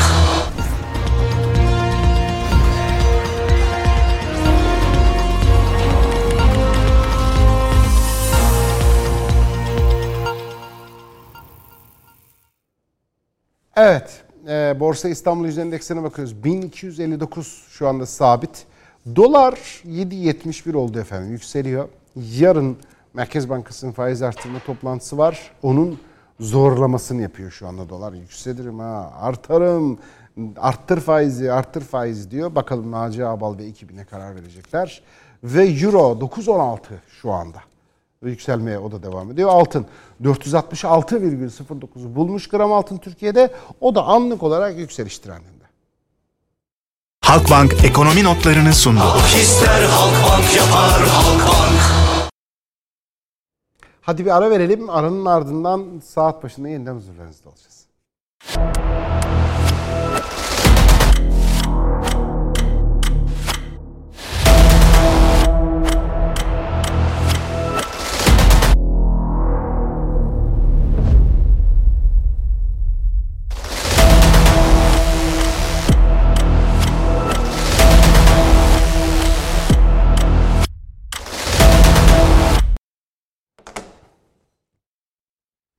...18 Kasım devam ediyor. Saat başında yeniden huzurlarınızdayız. 13 farklı mecradan aynı anda yayın yapıyoruz. Ve nerede kalmıştık diye soruyoruz. Türkiye'nin yeni medya ekranları, TVNet ekranlarından. İçişleri Bakanlığı genelgesiyle başlayalım. Dünün en önemli haberiydi. Bugün de devam ediyor. Hafta sonu başlıyor artık. Çember daraldı demişti Sağlık Bakanı. Çember gerçekten daraldı. Siz de zaten Sağlık Bakanı'nın böyle bir şey söylemesine gerek yok. Ee, her şey ortada. Şöyle ortada. Sakince, basitçe düşünün. Şu anda sizin e, Türkiye'de şöyle bir insan var mı? Benim hiçbir arkadaşımda Covid çıkmadı. Hiçbir akrabamda, hiçbir tanıdığımda Covid çıkmadı. Ben ve çevremde tamamen Covid'siz bir ortamdayız diyen var mı? Kalmadı böyle bir insan. Peki, hesaplayın şimdi. 85 milyon insanın yaklaşık çocukları aldık. Çok yaşları da ayırdık. Elimizde bir 40 milyon insan kaldığını düşünelim. 40 milyon insan Türkiye'de diyorsa ki benim çevremde, akrabalarımda, iş arkadaşlarımda ya da komşularımda Covid olmayan insan yok. Yani e, şöyle yanlış kurdum cümleyi. Benim mutlaka ya çevremde ya iş arkadaşlarımdan birinde ya da bir akrabamda mutlaka Covid var. En az birinde bir, bir kişi Covid oldu diyorsa bunu ve bunu 40 milyon insan söylüyorsa ne durumdayızdır? Çember daralmıştır hakikaten. Bunu Sağlık Bakanı'nın bana söylemesine gerek yok ki. Bir polisin beni sokakta uyarmasına gerek yok ki. Askerin benim önüme dizilmesine gerek yok ki. Hakimler, savcılar, kolluk kuvvetleri. Bunlara ihtiyacım yok ki benim. Ben zaten görüyorum. Ben zaten yaşıyorum. Dolayısıyla ben kendi tedbirlerimi kendim alabilirim. Gün içinde kaç defa ellerimi yıkıyorum. Niye? Dokunuyorum. Bak şimdi gene dokundum. Biraz sonra gene yıkayacağım. Masada ne var canım? Olur mu öyle şey? E, maskemi takıyorum. İnsanlarla mesafemi koruyorum. Konuşmamaya çalışıyorum. Kapalı yerde bulunmuyorum. İlla bir görüşme yapacaksak şuraya kapının önüne çıkalım. Bir açıkta duralım falan diyorum. Niye? E, çoluk, çocuk, aile, sorumluluk sadece kendim de değilim. iş arkadaşlarım. Çember daraldı. İşte ne oldu? Baktık ki işler olmuyor denildi. Hükümet bilim kurulunda tavsiyelerin neticesinde dün bir karar açıkladı. Karar kabine toplantısında verildi. O kabine toplantısında kararları Cumhurbaşkanı Erdoğan açıkladı. Cumhurbaşkanı Erdoğan'ın kaba başlıklarıyla kabaca açıkladığı, o genel olarak açıkladığı meselenin ayrıntılarını İçişleri Bakanlığı bir genelgeyle 81 ilin valiliğine gönderdi. Bakalım şimdi ayrıntılarına. Koronavirüs ile mücadele için tedbirler yeniden sıkılaştırıldı. Kabine toplantısı sonrası Cumhurbaşkanı Recep Tayyip Erdoğan'ın açıkladığı önlemlerin ayrıntılarını bir genelgeyle İçişleri Bakanlığı 81 ildeki valiliklere gönderdi. Buna göre 65 yaş ve üzeri kişiler sabah saat 10 ile öğleden sonra öğlen 1'e kadar sokakta olabilecekler. Daha sonra büyükler 65 yaş üstü büyükler eve 1'de evlere girince bu sefer 20 yaş ve altındaki gençler saat 1'den sonra sokağa çıkabilecek. Onlar da saat ancak 16'ya yani 4'e kadar sokakta kalabilecekler. Restoran, lokanta, kafe, bütün o yeme içme yerleri işe sabah saat 10'da başlayacaklar. Akşam 8'de de kapatacaklar. Şimdi sadece paket servis ve gel al yapılacak. Restoran, kafe, yeme içme olan yerlerde oturarak orada yemek yenilemeyecek. Restoran, lokanta bunların hepsi yine online yemek siparişince siparişiyle çalışmaya da devam edecekler. Şimdi il, ilçe ve hıfza kurullanınca belirlenecek yerleşim yerleri dışında bulunmak şehirler arası karayollarındaki dinlenme tesisleri de buna istisna oluyor bu konularda. Genelgeye göre alışveriş merkezi, market, berber, kuaför ve güzellik merkezleri sadece sabah saat 10'da açılacaklar ve 20'de kapanacaklar. 31 Aralık tarihine kadar da sinema salonları yeni bir karar çıkana kadar kapalı kalacaklar. Kahvehane, kıraathane, kır bahçesi, internet kafe, elektronik oyun salonları, bilardo salonları, lokaller ve çay bahçeleri, halı sahalarında faaliyetleri durdurulacak. Daha önce faaliyetleri durdurulan nargile salonları ilgili uygulama aynen devam edecek. Yeni bir karar alınana kadar hafta sonları sabah saat 10'dan ve 20 arası sokağa çıkmak serbest. Akşam 20'de yani akşam saat 8'de hafta sonları sokağa çıkmak yasaklanıyor. Ta ki sabah saat 10'a kadar. Bu cumartesi pazarları böyle. Bazı kişiler, sağlık çalışanları, kolluk kuvvetleri, medya çalışan bunlar istisna elbette. Genelgede sigara içme yasağı kapsamında genişletilebileceğine dikkat çekilirken düğünler, nikah merasimlerine katılımlar asgari düzeyde tutulacak ve burası önemli. Düğünler en fazla bir saat sürecek ve bir saat içinde bitip gidecek.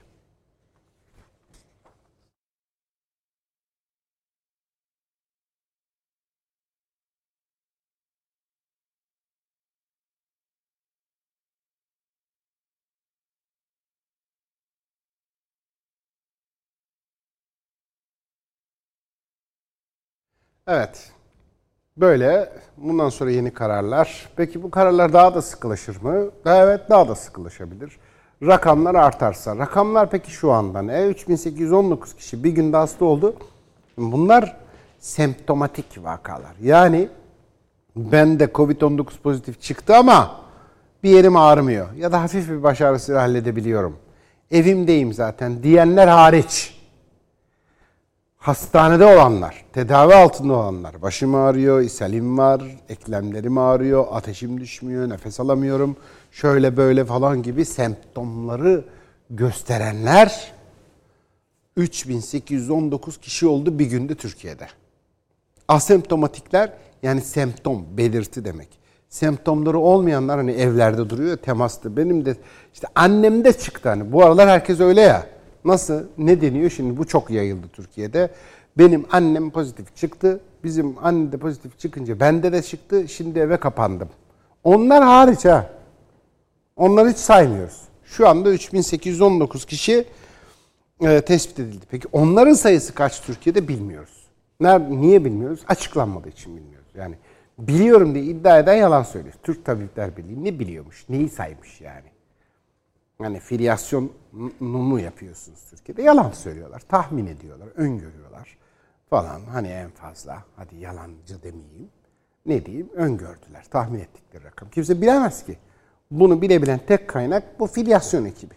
E, filyasyon ekibinin içinde olmadıklarına göre Türk Tabipler Birliği filyasyon ekibinin içinde olmaz. Onlar girmezler. Faydalı, iyi şeylerin içinde olmaz. Onlar konuşurlar. PKK, MKK falan, ideoloji, siyaset, devrim yapacağız falan. Öyle şeylerin içindeler. Doktorluk, moktorluk, sağlık. Ya biz de bir işe yarayalım, bir işin ucundan tutalım. Memlekette salgın var. Biz de Tabipler Birliği, eh, onlar da öyle şey çıkmaz. Tuhaf adamlar. E onlar bir rakam açıklıyorlar mesela. Ne biliyorlarmış? Kim ne söylüyorsa yalan söylüyor. Neden? Ee, Sağlık Bakanlığı açıklamıyor ki filyasyon ekiplerini. İşte burada problem şu. Keşke açıklasalar mı? Evet keşke açıklasalar. Ne olacak ki yani? Ya 500 binmiş mesela rakam. Hani 87 bin diyor Türk Tabipler Birliği. Değil 87. 500 bin. Ne değişecek ki hayatımda? Bari bilirdik yani. Bari dedikoduya alan tanımlanmazdı. Keşke söyleseler. Kardeşim tedavi olan semptomları gösterir. 3819 kişi var. Evinde hiçbir semptom göstermeden de testi pozitif çıkmış ve karantina sürecini geçiren de 500 bin adam var memlekette. 1 milyon kişi var. Kaçsa kaç. Hayır ne olacak? Neyimiz değişir? Ekonomi mi etkilenir? Yok daha ne kadar etkilenecek zaten. Zaten şu anda salgın şartlarındasınız ve salgın ekonomisi içindeyiz. 1 milyon insan var. Bari en azından dedikoduyu kapatırız. Ama yok. Hadi bir bakalım işte. Semptomatik olup da hasta olup da tedavi olan sayısı 3819. Ölü 103 kişi kaybettik. Allah rahmet eylesin. Koronavirüs tedbirlerine gerekli özenin gösterilmemesi vaka sayılarına yansıyor. Son 24 saatteki yeni hasta sayısı 4000'e yaklaştı. Günlük can kaybı yüzü geçti. Türkiye'nin günlük koronavirüs tablosu açıklandı. Buna göre son 24 saatte 156.692 test yapıldı. 3819 yeni hasta tespit edildi. Toplam hasta sayısı ise 421.413 oldu. Ağır hasta sayısı ise 3657'ye yükseldi. Günlük can kaybı da vakalarla birlikte artıyor. Tedavi görenlerden 103 kişi daha hayatını kaybetti. Toplam vefat sayısı 11.704'e yükseldi. İyileşenlerin sayısı da artıyor ancak istenen seviyede değil. Son 24 günde 2688 kişi hastalığı yendi. Toplam iyileşen hasta sayısı 359.063 oldu. Sağlık Bakanı Fahrettin Koca Twitter hesabından yaptığı değerlendirmede artan vakalara dikkat çekti. Koca, mücadelenin kritik aktörleri sağlık çalışanlarımız. En kritik savaşçılarımızı güçlü tutmak zorundayız. Tedbirlere uymak hepimiz için bir zorunluluk. Sağlık ordumuzun yanında olduğunuzu gösterin, mücadeleye güç verin ifadelerini kullandı. Şimdi Türkiye'nin tek konusu salgın değil. Salgın bir numaralı konu. Bir numaralı olmasının sebebi belirleyici. İş, gücü, hayatı şu anda belirliyor. Çünkü e, sonunda tehdit ettiği şey ölüm. Sonunda tehdit ettiği şey hastalık. Dolayısıyla hastalık olduğunda, sağlık meselesi olduğunda, salgın olduğunda bütün kararlarda belirleyici oluyor. İşte, güçte, siyasette, her şeyde. Tamam bu kabul ama bak bir taraftan devam ediyoruz. Neye? Önemli bir eşikte şu anda Türkiye. Ne kadar farkındayız bilmiyorum. Haberlerde, bültenlerde çok önemli bir haber olarak yerini almıyor ama gerçekten mesele kritik. Çok büyük bir eşikteyiz. Bir dönüşüm başladı Türkiye'de. Büyük bir dönüşüm. Hemen yakın zamanda etkileri hissedilecek. Bu dönüşüm birçok sahada devam ediyor ama en çok dört gözle beklediğimiz sahası ne? Adalet, hukuk sistemi. Hukukta reformdan bahsediyor Rus şu anda. Böyle çok ciddi çalışmalar var bu konuda. Önemli çalışmalar. Hem ekonomik açıdan bir şeyi rahatlatacak. Yerli yatırımcıyı, yabancı yatırımcıyı, iş dünyasını ama aynı zamanda genel hayat huzuru ve adaleti sağlayacak bir hukuk reformundan bahsediyoruz. İşte Cumhurbaşkanı Erdoğan bu konuda da konuştu. Adalet Bakanımızın yürüttüğü bir çalışma var dedi. İnsan hakları konusunda çok büyük bir atılıma hazırlanıyor Türkiye.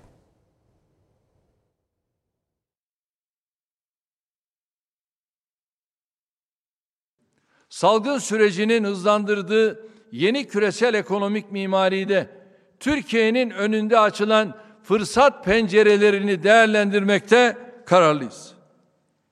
Kurduğumuz güçlü üretim, ihracat ve istihdam altyapısı en önemli görev ve güven kaynağımızdır. Bu altyapıyı ancak ekonominin ruhu diyebileceğimiz güven unsurlarıyla birleştirerek arzu ettiğimiz sıçramayı yakalayabiliriz.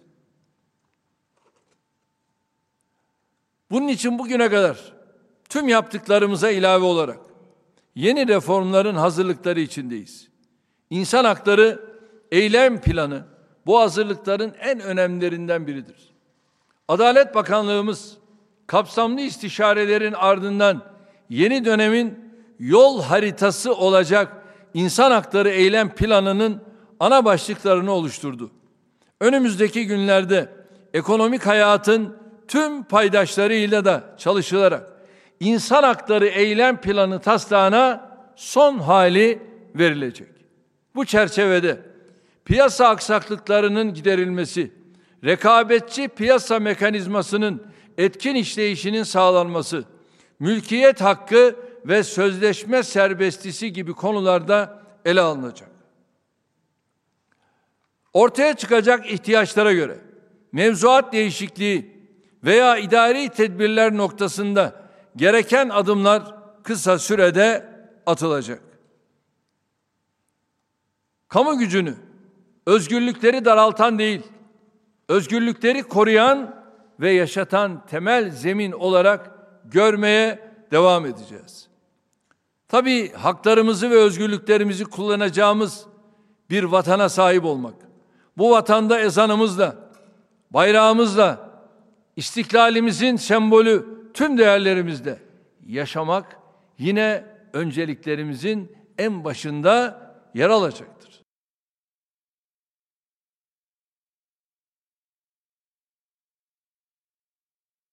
Meclis dün önemli bir kararı kabul etti. Ne o? Tezkere. Ne tezkeresi? Azerbaycan'a gidecek asker tezkeresi. Türk askeri olmadan, Türk ordusu orada olmadan olur mu? Olmazdı elbette. Dört partinin de imzası var. Tahmin edin kimin imzası yok altında? HDP'nin. Evet. Niye? Çünkü HDP PKK ile birlikte Ermenistan safında savaşıyordu.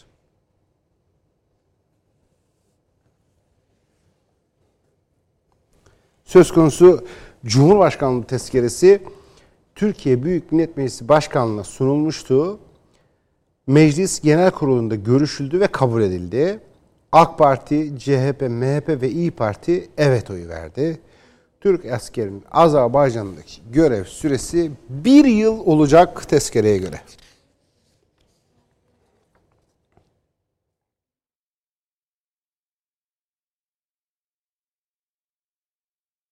Şimdi Rusya'nın bir pozisyonu var o işlerin içinde. Rusya ortalığı karıştırıyor mu?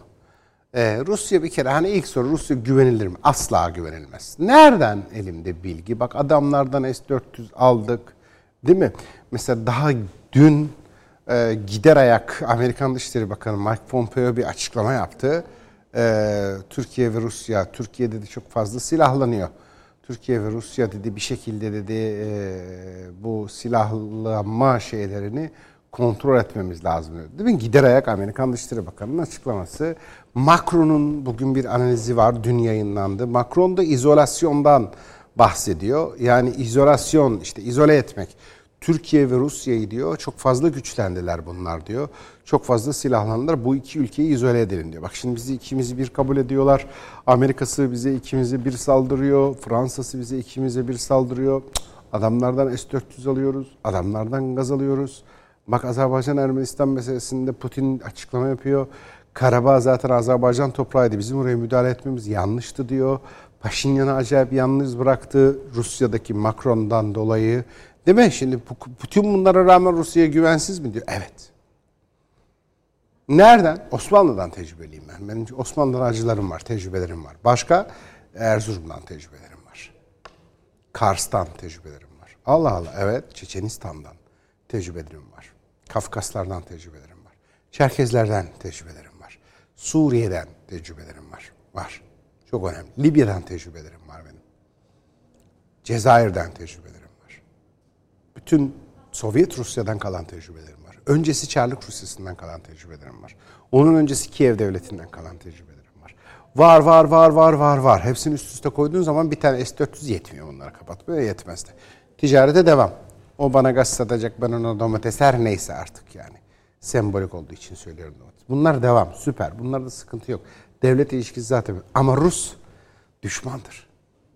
Her halükarda düşmandır. Dün de öyleydi, bugün de düşman, yarın da düşman olacak. Planı var, stratejik planı. Rusya'da Müslüman nüfus giderek artıyor, doğru.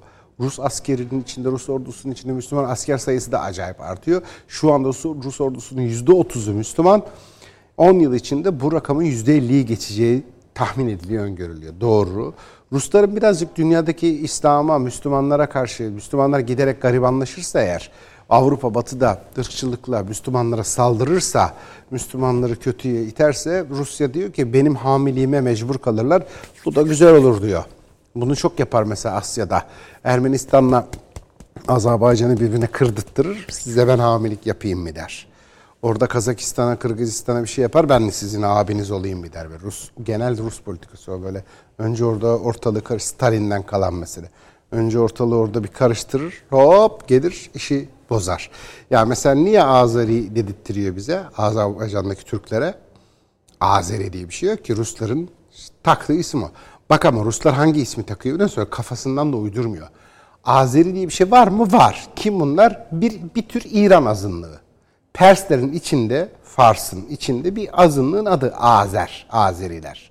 Sen kalk, İran'ın içindeki bir azınlığı al, tak Türklere isim diye koy. Siz Türk değilsiniz, Azerisiniz diye bir şey uyduruyor. O yüzden Azerbaycanlılar çok kızarlar. Azeri mazeri deyip durmayın bize diye. Bak Ruslar yapar böyle şeyi. Pislik adamlar. Ama S-400 alıyorum ben ondan. Alacağım. Devlet böyledir. İş de yapacağım. Doğalgaz da alacağım. S-400 de alacağım. Ben ona satacağım. O bana satacak. Bunlar başka, o başka. Şimdi bir açıklama geldi Putin'den. Dikkat çekici. Çok temkinli olmamız lazım. Bizim kamuoyu olarak, halk olarak, devlet ne yapar? Bana ne ben devleti yönetmiyorum ki. Biz halk olarak sorumluluğumuzu yerine getiriyoruz. Medya sorumluluğumuzu. Diyoruz ki dikkatli olun. Diyor ki Putin, e, Türkiye Karabağ konusunda Azerbaycan'ı hep destekledi ancak uluslararası hukuku hiç çiğnemedi diyor. Güzel değil mi? Kime bu cevap? Türkiye destek cevabı. Macron'a konuştu Putin. Bir bakalım ayrıntılarına. Rusya 24 televizyonunda konuşan Putin bazen Türkiye ile belirli konularda yaklaşım farklılıkları bulunsa da diplomasi yeriyle uzlaşmaya vardıklarını söyledi. Putin Dağlık Karabağ meselesinin Sovyetler Birliği'nin dağılmasının jeopolitik bir sonucu olduğunu söyledi. Rusya lideri Türkiye'nin bu meselede her zaman Azerbaycan'ı desteklediğinde ancak uluslararası hukuku hiçbir zaman ihlal etmediğini vurguladı. Bu konuda kimse Türkiye'yi suçlayamaz dedi. Putin, Karabağ konusunda da tarafların yaralarını sarmak için zamana ihtiyaç olduğunu belirtti.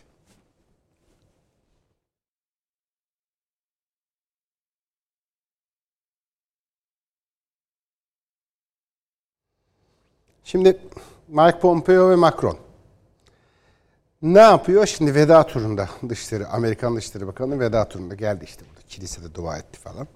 Şimdi ne konuşmuşlar Macron'la? Türkiye'nin saldırgan tavrını konuşmuşlar.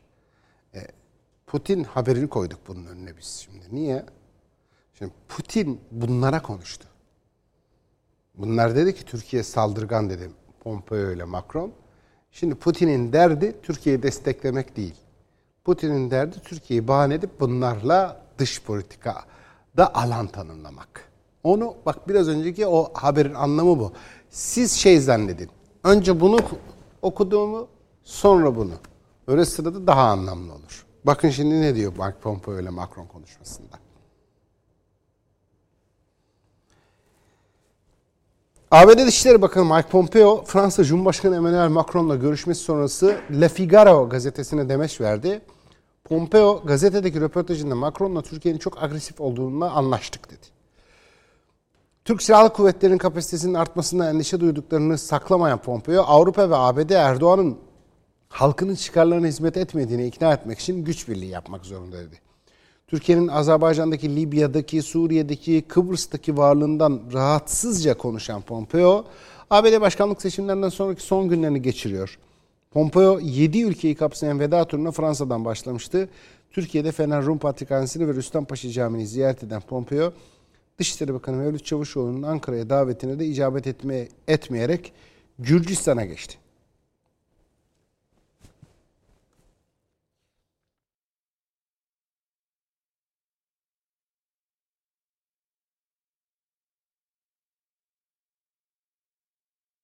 Şimdi geldi değil mi? Kiliseye gitti, dua etti. Ee, sonra sonra işte Dışişleri Bakanı kibarlık yaptı. Diplomasi, diplomatik nezaket. Madem İstanbul'dasın gel Ankara'ya Dışişleri Bakanısı falan. Yok dedi. İşim var dedi. Gitti Fransa'dan başlamıştı Pompeo. Şimdi ne konuşmuşlar? Macron'la Türkiye'nin silahlı gücü çok fazla. Kıbrıs'taki varlığı, Libya'daki varlığı, Akdeniz'deki varlığı, Azerbaycan'daki varlığı. Bunlar rahatsız edici demişler. Şimdi Putin'in açıklamasına geri dönelim. Putin de dedi ki Türkiye hiçbir zaman uluslararası hukuku çiğnemedi. Şimdi bunlara cevabını verdi Putin. Yani normalde Türkiye'yi sevdiğinden, çok desteklediğinden, dost olduğundan değil. Meselesi bunlar. Bunlar şimdi Türkiye'ye karşı oldukları için Putin de doğal olarak bunlara karşı Türkiye pozisyonu almış oluyor. Ne enteresan değil mi dengeler? Buna böyle bakmak lazım ama daha önemlisi bir ayrıntı haber vereyim size. Mike Pompeo bu görüşlerini Fransa'daki hangi gazeteye vermiş? Dikkat edin La Figaro. Kim bu La Figaro? Gazetenin sahibi silah tüccarı. Evet, Fransa'nın en büyük silah tüccarlarından biridir Figaro'nun sahibi. Yunanistan'a satılan silahlar var ya, onları o adam satıyor işte. Macron oradan parayı kazanıyor. Anladın mı şimdi niye o adam çok böyle savaş kızıştırıyor gazete? Yunanistan'da Türkler birbirine girsinler. Niye silah satacak adam? İflasın eşiğinden döndü. İşte yani bu Lafarge uçakları var Fransızların. Onların ortağı falan olan bir adam. Ne acayip. Hadi bakalım. İşte Mike Pompeo da bir silah tüccarının gazetesinde diyor ki Türkiye'nin silahlanması çok tehlikeli. Bak sen. Hem de silah tüccarının gazetesinde söylüyor bunu. Le Figaro'da. Allah Allah.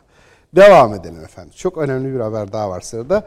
Hulusi Akar komutanlarıyla birlikte bir video konferans düzenledi ve ondan sonra bir açıklama yaptı. Rumların Kıbrıs Türkiye'nin milli bir meselesidir ve Rumların bu uzlaşmaz tutumunun ne yaman olacağını anlattı. Bir bakalım Hulusi Akar'ın açıklamasına. Burada e, Sayın Şoygu'yla bir mutabakat muhtırası imzaladık.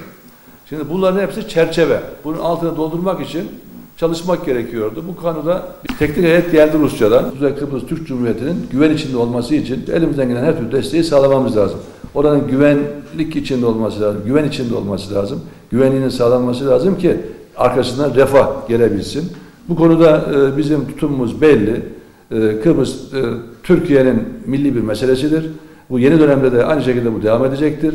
Daha önceki yaptığımız tutum ve durumlarımız, düşüncelerimiz neyse aynı duruştayız, aynı bakış açısı içindeyiz. Tabii ki bizim e, dileğimiz, temennimiz barışçıl yol ve yöntemlerle, siyasi yol ve yöntemlerle efendim, kalıcı bir çözümün ortaya çıkmasıdır. Ve burada tabii Rumların bu uzlaşma tutumlarından vazgeçmesi lazım. Türkiye'nin e, oradaki Türk e, varlığının kabul edilmesi lazım. Onların e, egemen ve eşit efendim, e, unsurlar olduğunun bilinmesi lazım. Bunun için zaten herhangi bir oldu bitti de müsaade etmeyeceğimizi defaten söyledik.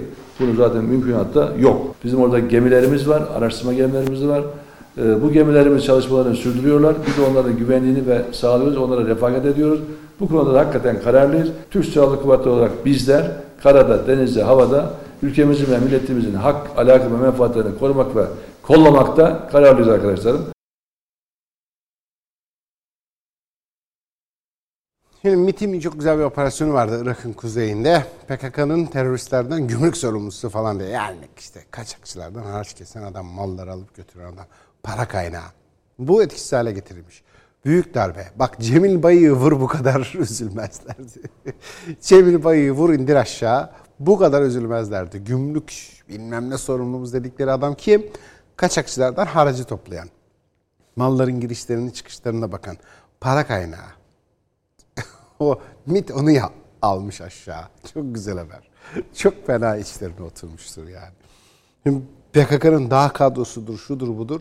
Hadi bir bakalım terörle mücadelede çok güzel isimlerin üstü çiziliyor.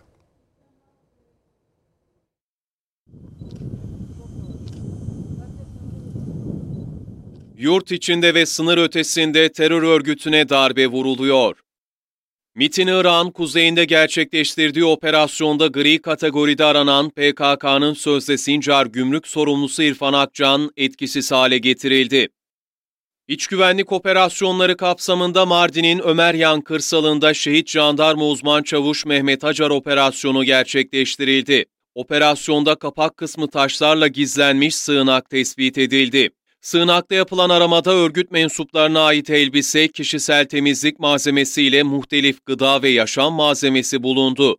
Delil niteliğindeki malzemeler muhafaza altına alınırken diğer malzemeler kullanılamaz hale getirildi. Öte yandan Kahramanmaraş'ta terör örgütüne üye olmak suçundan tutuklanan HDP Pazarcık ilçe başkanı Naci Kızıler'in PKK'nın dağ kadrosunda Hacı Kod adıyla silahlı faaliyette bulunduğu belirlendi. Kızıler'in kırsal bölgede elinde uzun namlulu silahla teröristlerle birlikte poz verdiği fotoğrafı ortaya çıktı. Evinde yakalanarak gözaltına alınan Kızıler'e sorgusunda 21 kişilik fotoğraf gösterildi. Kızıler fotoğraftaki kişi bana benziyor diyerek suçlamaları kabul etmedi. Sorgusunun ardından Naci Kızıler terör örgütüne üye olmak suçundan tutuklandı.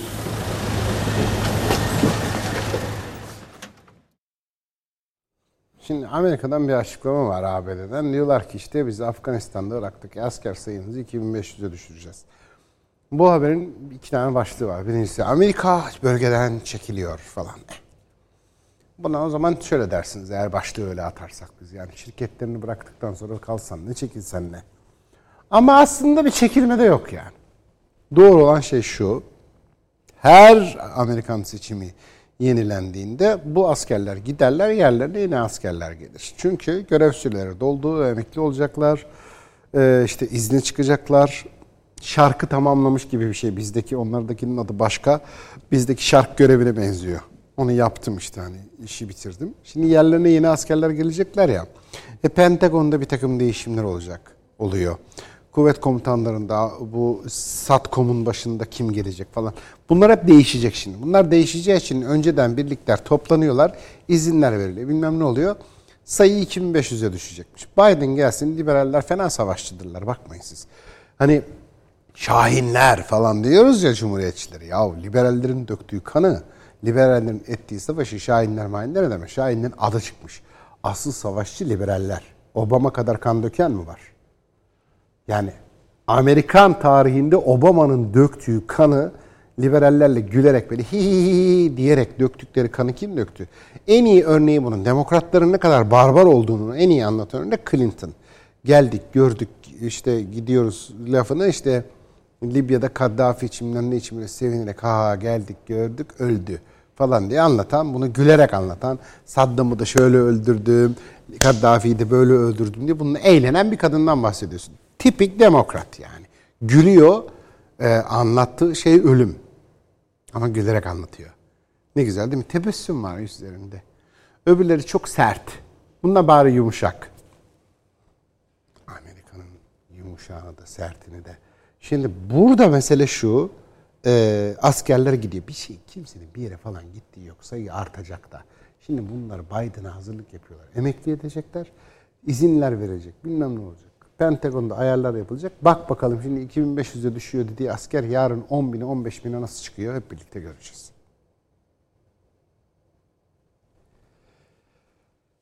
ABD Savunma Bakanı Vekili Christopher Miller, ABD Başkanı Donald Trump'ın bu kararının ulusal güvenlik öncelikleriyle uyumlu olduğunu ve aylardır ulusal güvenlik ekibiyle yaptığı istişarelere dayandığını söyledi. Miller bu konuda başta NATO Genel Sekreteri John John Stoltenberg ve Afganistan Cumhurbaşkanı Eşref Gani olmak üzere birçok müttefik ülke liderleriyle istişare ettiğini ifade etti. 11 Eylül 2001 saldırılarının ardından Afganistan ve Irak'ın işgaliyle başlayan savaşları bitirebileceklerini vurgulayan Christopher Miller, çocuklarımızı bu süresiz savaşların ağır yükünden kurtaracağız diye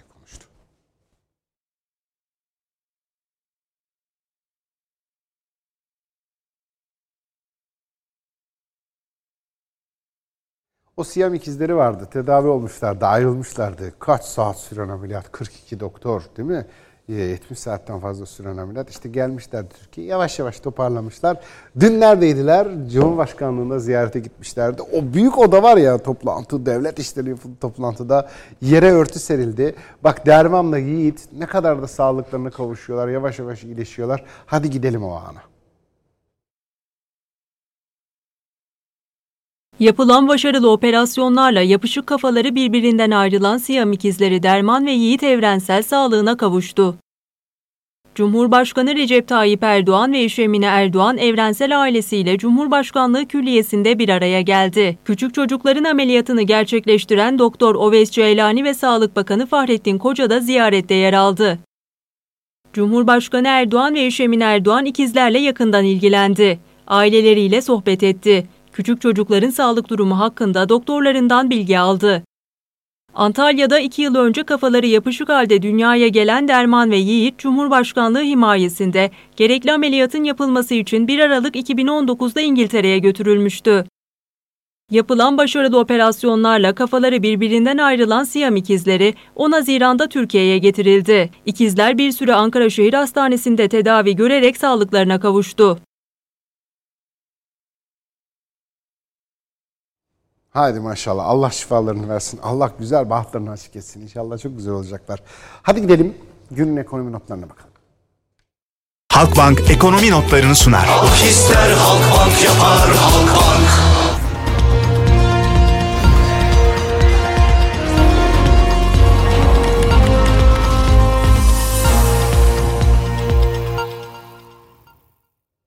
Borsa İstanbul Yüz Endeksine bakıyoruz. 1259.